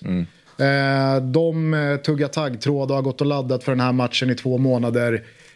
City vet ju att behöver vi peta i treans växel på ett i returen så får vi väl göra det. Och är det någonting jag tror Pep lärde sig i fjol så var det att det är inte i mars, det är inte i februari som man ska vara som absolut bäst utan det är i april och maj. Ehm, så att, eh, alltså, spelar vi det här dubbelmötet hundra gånger, ja, FCK kanske går vidare än. Men jag, alltså, jag ser inte City vinna med större siffror mot FCK än vad Bayern kommer göra mot Lazio. Nej, nej. Vad vill du säga? Nej, jag tror, att, jag tror att det kan bli 5-6 mål på Etihad. Eh, Mm. Och det beror på hur många de behöver göra. De, de kommer ju att eh, plocka av, ställa av spelare snabbt om, när det är klart, vilket jag förväntar mig att det Jo, jo, men då gör Oscar Bob ett och Ja, Doku två och så här. Ja, så- Nej, jag tror, jag, men, jag, eh, absolut, parken fullsatt. De, de, har ju mötts i ett gruppspel och då var det väl. Eh, så där kan det väl kanske bli spännande. Men jag tror att... eh, Om, Fick ju City tidigt rött där, men jag håller med om att de känner, har nog självförtroende på parken. Det kommer ju vara, kommer ju vara häftig inramning här nu i, i första fighten. Så... Och City kommer som sagt pilla i ettans växel och börja med och sen om, kanske de smyger upp på tvåan, men sen stannar de i det. Det är väl för Sen kan det räcka, återigen, som eh, Sabri är inne på. Dock är ju gubbarna... Eh, Grealish vill väl också visa att han lever. Så det finns ju faktiskt bredd i City nu Ja, också, vilket det inte gjorde under, under hösten. Då var det ju många som var borta. Men jag tror ändå att, typ, att ja, men en spelare som Rodri och, och KDB kommer bli otroligt viktiga för att de ska gå hela vägen igen. Ja. Sista mötet då. Eh, Real Madrid mot eh, Leipzig. Och eh, där har du valt Antonio Rüdiger. Ja, alltså tar vi Kroos och, och, och, och Modric och de här som har gjort det här 25 gånger i sömnen i Champions League. Bellingham har visat sin klass och vi vet ju att ja, men Vinny har ju varit lite, Vinicius har ju varit lite skadedrabbad men han, han ska väl också hitta en form så ser jag att när Courtois är borta och de inte har den här riktigt, riktigt spetsiga bra målvakten som kan rädda dem så tror jag inte att, om Real ska gå hela vägen så tror jag att det inte att det håller med Nacho och Carvajal. Eh, jag tror att Rudiger måste kliva in här för att Alaba är borta, Militao är borta. Eh, de har liksom de mitt, mittbacksproblemen och det kommer inte hålla hela vägen med Carvajal som har eh, laborerat där och eh, Nacho då, som eh, alla Real-supportrar vill höja till topp fem mittbackar i världen, vilket han absolut enligt mig inte är.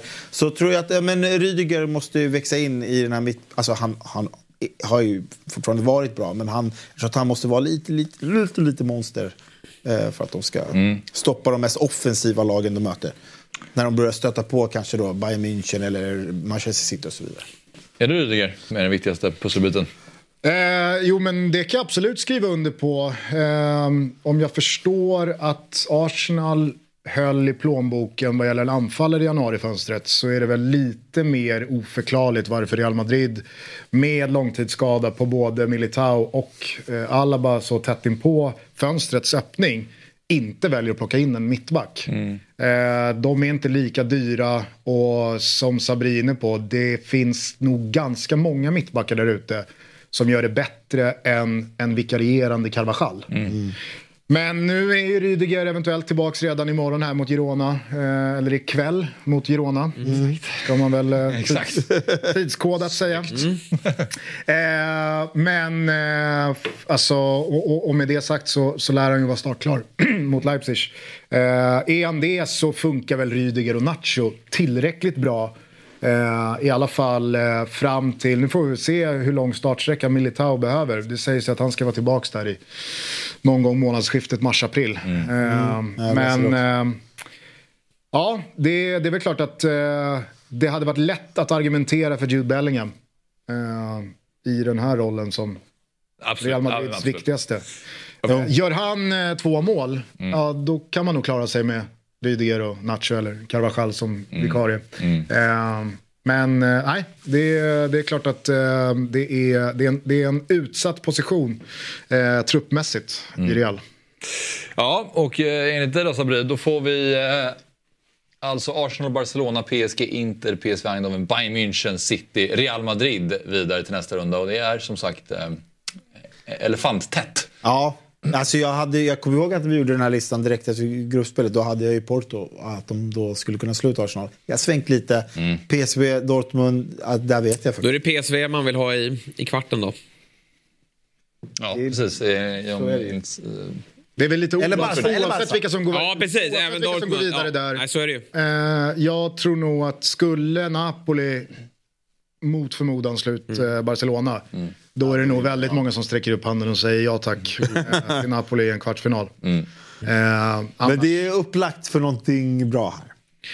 Verkligen. Eh, och det är ju eh, ja, men väldigt, eh, väldigt ovisst eh, kring de stora här som eh, ska kliva vidare från åttondelarna. Och jag tycker att det är intressanta ligalägen på många.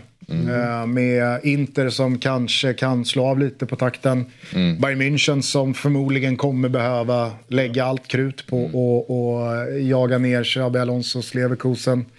Eh, Arsenal, kommer de vara med i en titelstrid eller inte? Eh, Real Madrid lika så, alltså Girona. skulle de, eh, skulle Ja. de få med sig ett resultat mot Real, ja, alltså då, Det är det som är då så tror jag de ser sin möjlighet att eh, göra, göra match av det här. Riktigt, riktigt jävla länge alltså. Ja, det känns som att det är en väldigt rolig Champions League-vår som stundar, måste man verkligen säga.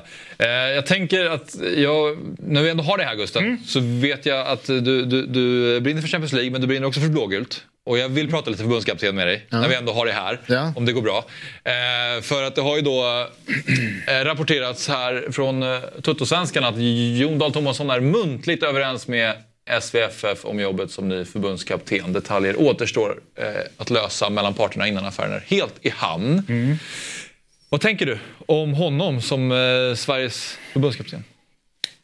Först och främst så tänker jag väl att eh, det har varit en eller ett par eh, herrar muntligt överens med Ja. förbundet redan i den här processen. Så att är det någonting man har lärt sig eh, av de senaste månaderna så är det väl att man inte ska ropa hej före någon står där eh, och på riktigt är presenterad. Men eh, jag vet inte. Jag tycker väl eh, att eh, av eh, de kvarvarande realistiska kandidater som figurerat i toppen av någon slags oddslista så känns det som ett fullt rimligt och bra eh, namn. Mycket hellre Jon Dahl Tomasson än Jens Gustafsson, Tony Gustafsson, eh, någon interimlösning med Bäckström. Troja Ljungbys tränare. Eh, Kim och Tolle, jag vet inte vad som finns kvar av liksom den realistiska eh, kandidatpoolen. Eh, alltså erfarenheterna han har framförallt som spelare från landslagsspel och mästerskap tror inte jag att man ska underskatta i sammanhanget. Det är lätt att stirra sig blind på att ja, vad har han egentligen gjort som, som eh, tränare. Men eh, är man liksom som jag positiv till Olof Mellberg som kandidat. Eh, viftar man med Fredrik Ljungberg och Henrik Larsson. ja, varför ska man då inte vara entusiastisk kring Jon Dahl Tomasson med all hans spelarerfarenhet från Mm. både klubblag och landslagsspel. Eh, jag tycker också att eh, han eh, var väldigt förtroendeingivande ja, men medialt, pondusmässigt. Eh, han var i Malmö för att göra ett jobb. Eh, han gjorde det. Championship är en liga som jag har lärt mig att man inte ska dra allt för stora växlar av, vare sig positivt eller negativt. Vincent Kompany var världens bästa tränare för ett knappt år sedan. Och den fotbollen han spelade med Burnley, oj oj oj. Det är inte riktigt samma ljud i skällan just nu. Eh, så att det är väl klart att eh, alltså Blackburns säsong, eh, den här eh, upplagan har, har ju väl inte liksom eh, gett något positivt eko runt om i fotbollsvärlden. Men eh, jag vet inte om eh, Pogon Cesin. Går för dem? jag vet inte eh, riktigt faktiskt. Nej. Nej men jag, alltså vad fan. Eh, jag, jag, blir det nu eh, Jon Dahl Tomasson så väljer jag, jag, jag, väljer, eh, jag väljer glädjen. Vad väljer ni? väljer ni? Nej, men också, alltså så här, om man lyssnar till vad de har velat få in så stämmer man ju verkligen in på, på eh, profilen. Eh, Kanske ännu bättre än, än Mellberg också eftersom man har den internationella rutinen som tränare här nu då, senast från Blackburn. Och sen är det många som har höjt röster för att vi vill få in någon som har haft en motgång nu också. Ehm, för att Janne, allting gick ju så väldigt bra. Norrköping, SM-guld, och så in i landslaget, fick en bra start och sen när det kom en motgång då var han kanske inte riktigt redo. Men eh, Tomasson har ju också rutin från landslag, inte bara som spelare utan som ASS-tränare också. Det tror jag är jätteviktigt att veta eh, liksom under, under eh, de här korta samlingarna vad, eh, vad som förväntas av honom och, och hur man lägger upp eh, allt runt omkring. Så att, nej, han känns som ett vettigt val, men det ska väl lite i och med att han är dansk. Det, det måste jag ändå säga. Det, Ja, det var min fråga. Alltså, så här, det går inte att komma ifrån att det är någonting. Men eh, samtidigt det viktigaste för mig är att eh, sve- svenska landslaget börjar vinna fotbollsmatcher. Jag tycker det finns all potential i världen att börja göra det. Och då måste vi få någon som kan få dem att göra det. Då skiter jag faktiskt i national nationalitet. Att det, Jas hoppas på... Gustafsson är från Landskrona. Så att. Ja, exakt. Det är nästan samma, samma skit. Men det är många som bara, vi måste ut en utländsk tränare. Så när man gör det, de bara fan, nu tar in en dansk. Ja, men vissa har, jag har inga problem med det. Jag tycker ändå att... Eh, jag, och hade jag fått välja eh, Jon Dahl och Mellberg så hade jag ändå valt Mellberg. Det, Det hade jag också. eh, vill jag ändå säga. Men eh, jag tycker att det här är... Det, här är, det är kittlande. Vad tycker du är de viktigaste egenskaperna i en förbundskapten? Alltså nu är det så här, ja, vissa pratar om att det behövs pondus för de unga, det behövs en ungdomlig entusiasm som kan föra fotbollen vidare, den moderna fotbollen som representerar den på något sätt. Det finns många olika vägar att gå. Vad, vad känner du att man behöver för typ av person på den posten? För mig har eh, det aldrig varit speciellt högt upp på kravspecen vad man är för typ av person, vad man har för personlighet. Utan när det kommer till förbundskaptensgigget då handlar det om två saker. Det handlar om att få ut det mesta av våra bästa spelare. Och det handlar om att på ganska få samlingar på ett år och ganska få pass kunna få ut sin spelfilosofi och få ut sitt sätt att spela fotboll så att spelarna förstår. Och det handlar inte om att en, två eller tre ska förstå utan det handlar om att alla ska förstå. Och där tycker jag att Olof Mellberg oavsett om det har varit i en klubb som BP med 2023 visade att kolla hur kort tid jag behöver på mig för att få det här ganska så, eller rejält begränsade spelarmaterialet. Att spela den här fotbollen som jag vill spela, som jag står för, som jag får ut.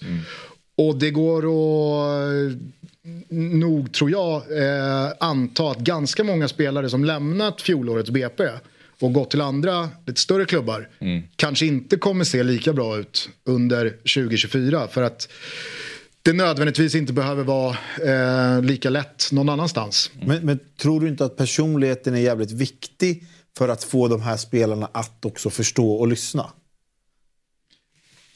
Alltså, det är väl klart att om man, om, om, man kategoriserar det som ett personlighetsdrag, att man är en bra pedagog. Ja visst, absolut. Det, det, det, det ska, men, men... Men det behöver inte vara någon tjo och. Nej, alltså i, i, i det jag pratar om att kunna få ut sitt sätt att spela ligger ju väldigt mycket pedagogik. Absolut. Förstår Ja. ni mig? Mm. Sen om man är en kuf eller om man är en Ja. sång och dansman eller om man är introvert eller eh, om man är liksom eh, ett as. Det första man tänker på sång och Det- dansman, det är ju Erik Hamrén. Ja, tredelad kostym och eh, svassar in. Och, och, ja, men det är så här, jag tycker det är sekundärt. Det, alltså, man kan vara väldigt många olika personligheter och fortfarande vara bra eller dålig på att få sina spelare att förstå och utföra det sättet man vill spela sin fotboll. Sen så återstår det väl att se och där tycker jag att Mellberg med det han gör i BP visar att jag spelar en fotboll som dels passar ja men, vart fotbollen är någonstans nu kontra eh, motstånd, eh, kontra vad det är för generation på väg upp, här och nu redan etablerad.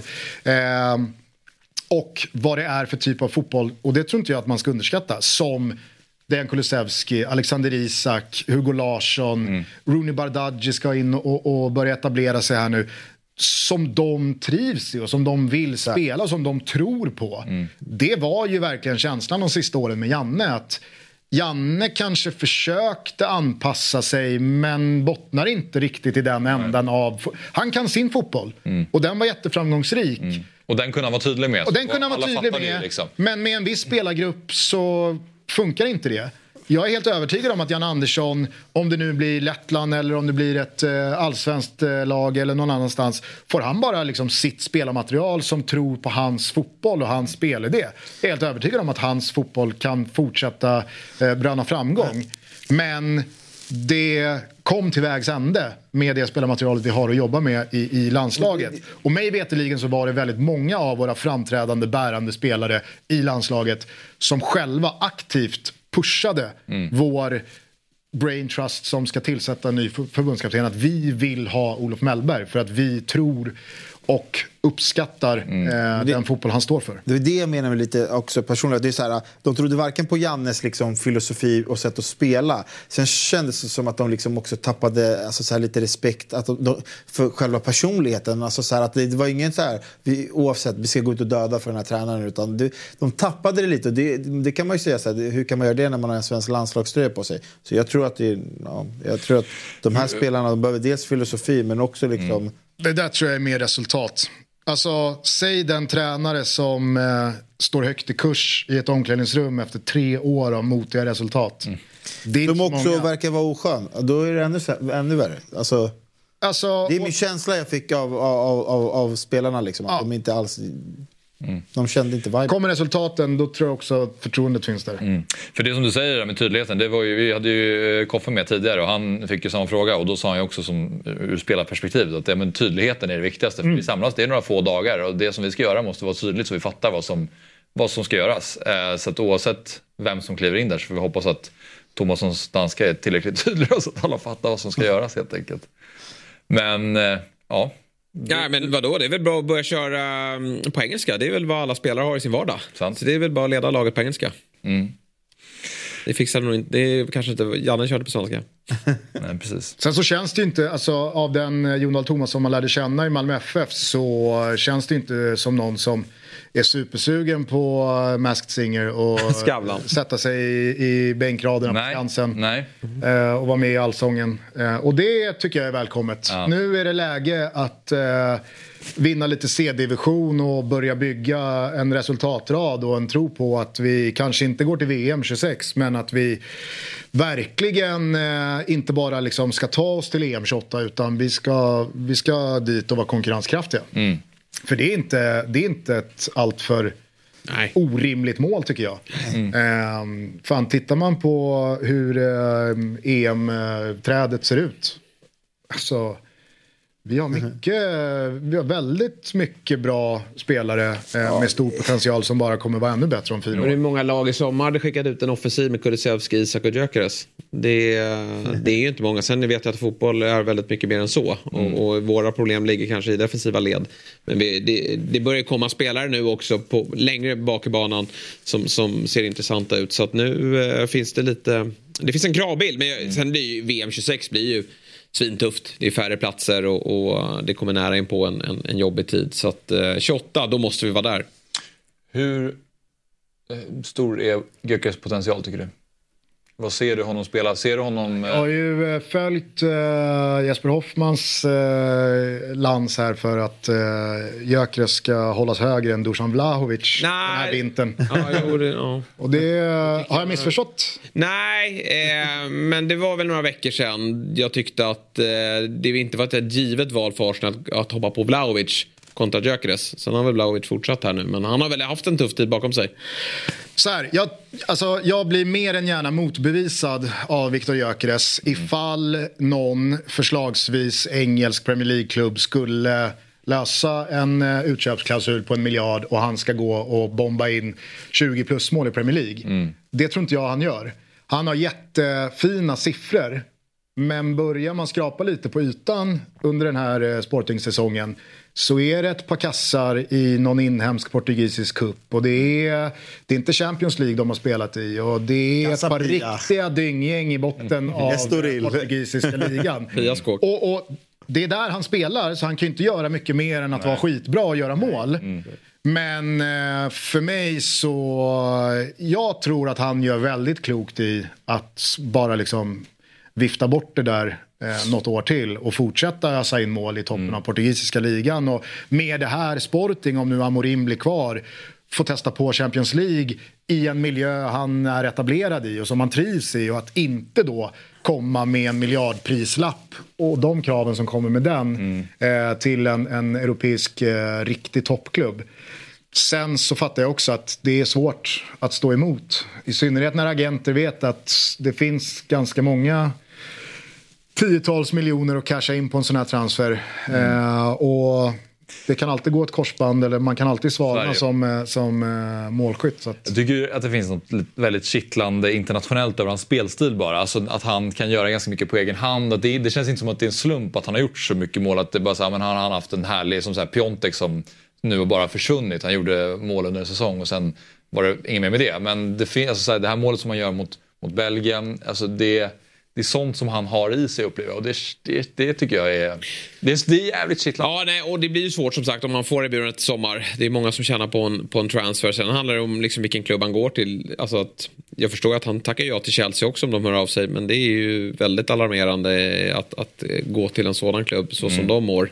Sen finns det ju andra klubbar som också kanske är behov av en nia. Just Arsenal har vi nämnt. Eh, att de kanske vill få in en mer tydlig striker. Om det är det Arteta vill addera till laget. Eller Spurs som, som visserligen har fått igång sin brasse nu. Men som eh, kanske känner att eh, de vill lägga till ytterligare en spelare om de ska spela Champions League. Så det, det är ändå klubbar som är välmående och där han skulle komma till, till målchanser. Och då återigen vet vi inte om, om steget är för stort. 20 plus i Serie A gör han ju. Ja, det beror såklart på vilket lag han spelar i. Han gör Men, men, men där problemet blir ju utköpsklausulen där. Det är inget italienskt lag som Nej, paya en miljard. Nej, nej. Så det är ju bara eh, Premier League han kan landa i. Och då, då tror jag som Gusten att det kan bli för svårt direkt nu. Liksom, efter, alltså, man ska... Alltså han spelade i Coventry för ett år sedan. Ja, jag vet. Det är, Mindre än ett år sedan. ja, det är, Alltså, jag hade ju velat se honom i något så här Inter, Milan. Men är det inte så? Sen vet jag att många faller bort väldigt snabbt. Men, men anfallare, helt plötsligt exploderar de ju. De kommer på liksom hur, hur det var väl lite så med Vlahovic också. Eh, var det inte så i Fiorentina?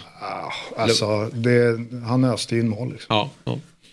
Ja, nej, men jag, jag, är en, eh, jag, gillar, jag gillar också hans spelstil väldigt mycket. Jag tycker att så här, gå, gå, gå rakt på mål, eh, behärska väldigt mycket i spelet. Bra i också uppbyggnadsspelet. Alltså, han, han är inte bara en, en boxspelare utan han, han är bra i, stora delar av eh, övriga spelet. Men sen helt med på att det är en annan liga han håller på med och lagen han möter är ju upplever man ju ibland att det är pinsamt låg nivå på. Så att, eh, han, Ja, jag vet. att göra det i Premier League är en annan grej. Och sen alltså, det är money talks. Det är, jag jag dömer ingen som eh, får ett kontrakt från ett eh, Big Six-lag i Premier League framför det är sig när man. Även spelar i Chelsea, Portugal. alltså även Chelsea. Nej men alltså, Klart man går. slaskar de upp en miljard för att lösa det, då kan du lösa ett fyraårskontrakt minst med en årslön som Sporting aldrig kan matcha.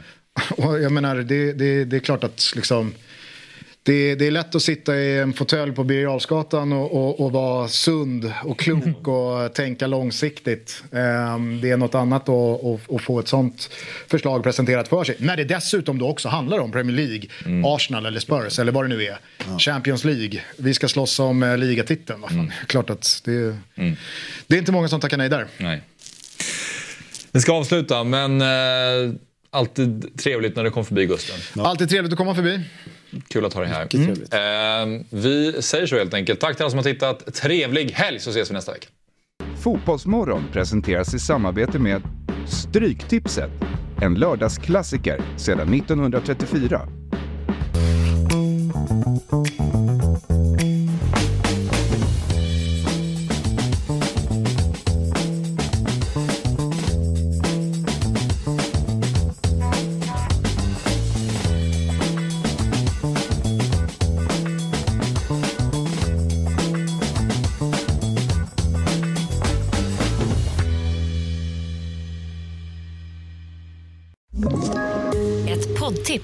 Podplay. I fallen jag aldrig glömmer djupdyker Hasse Aro i arbetet bakom några av Sveriges mest uppseendeväckande brottsutredningar.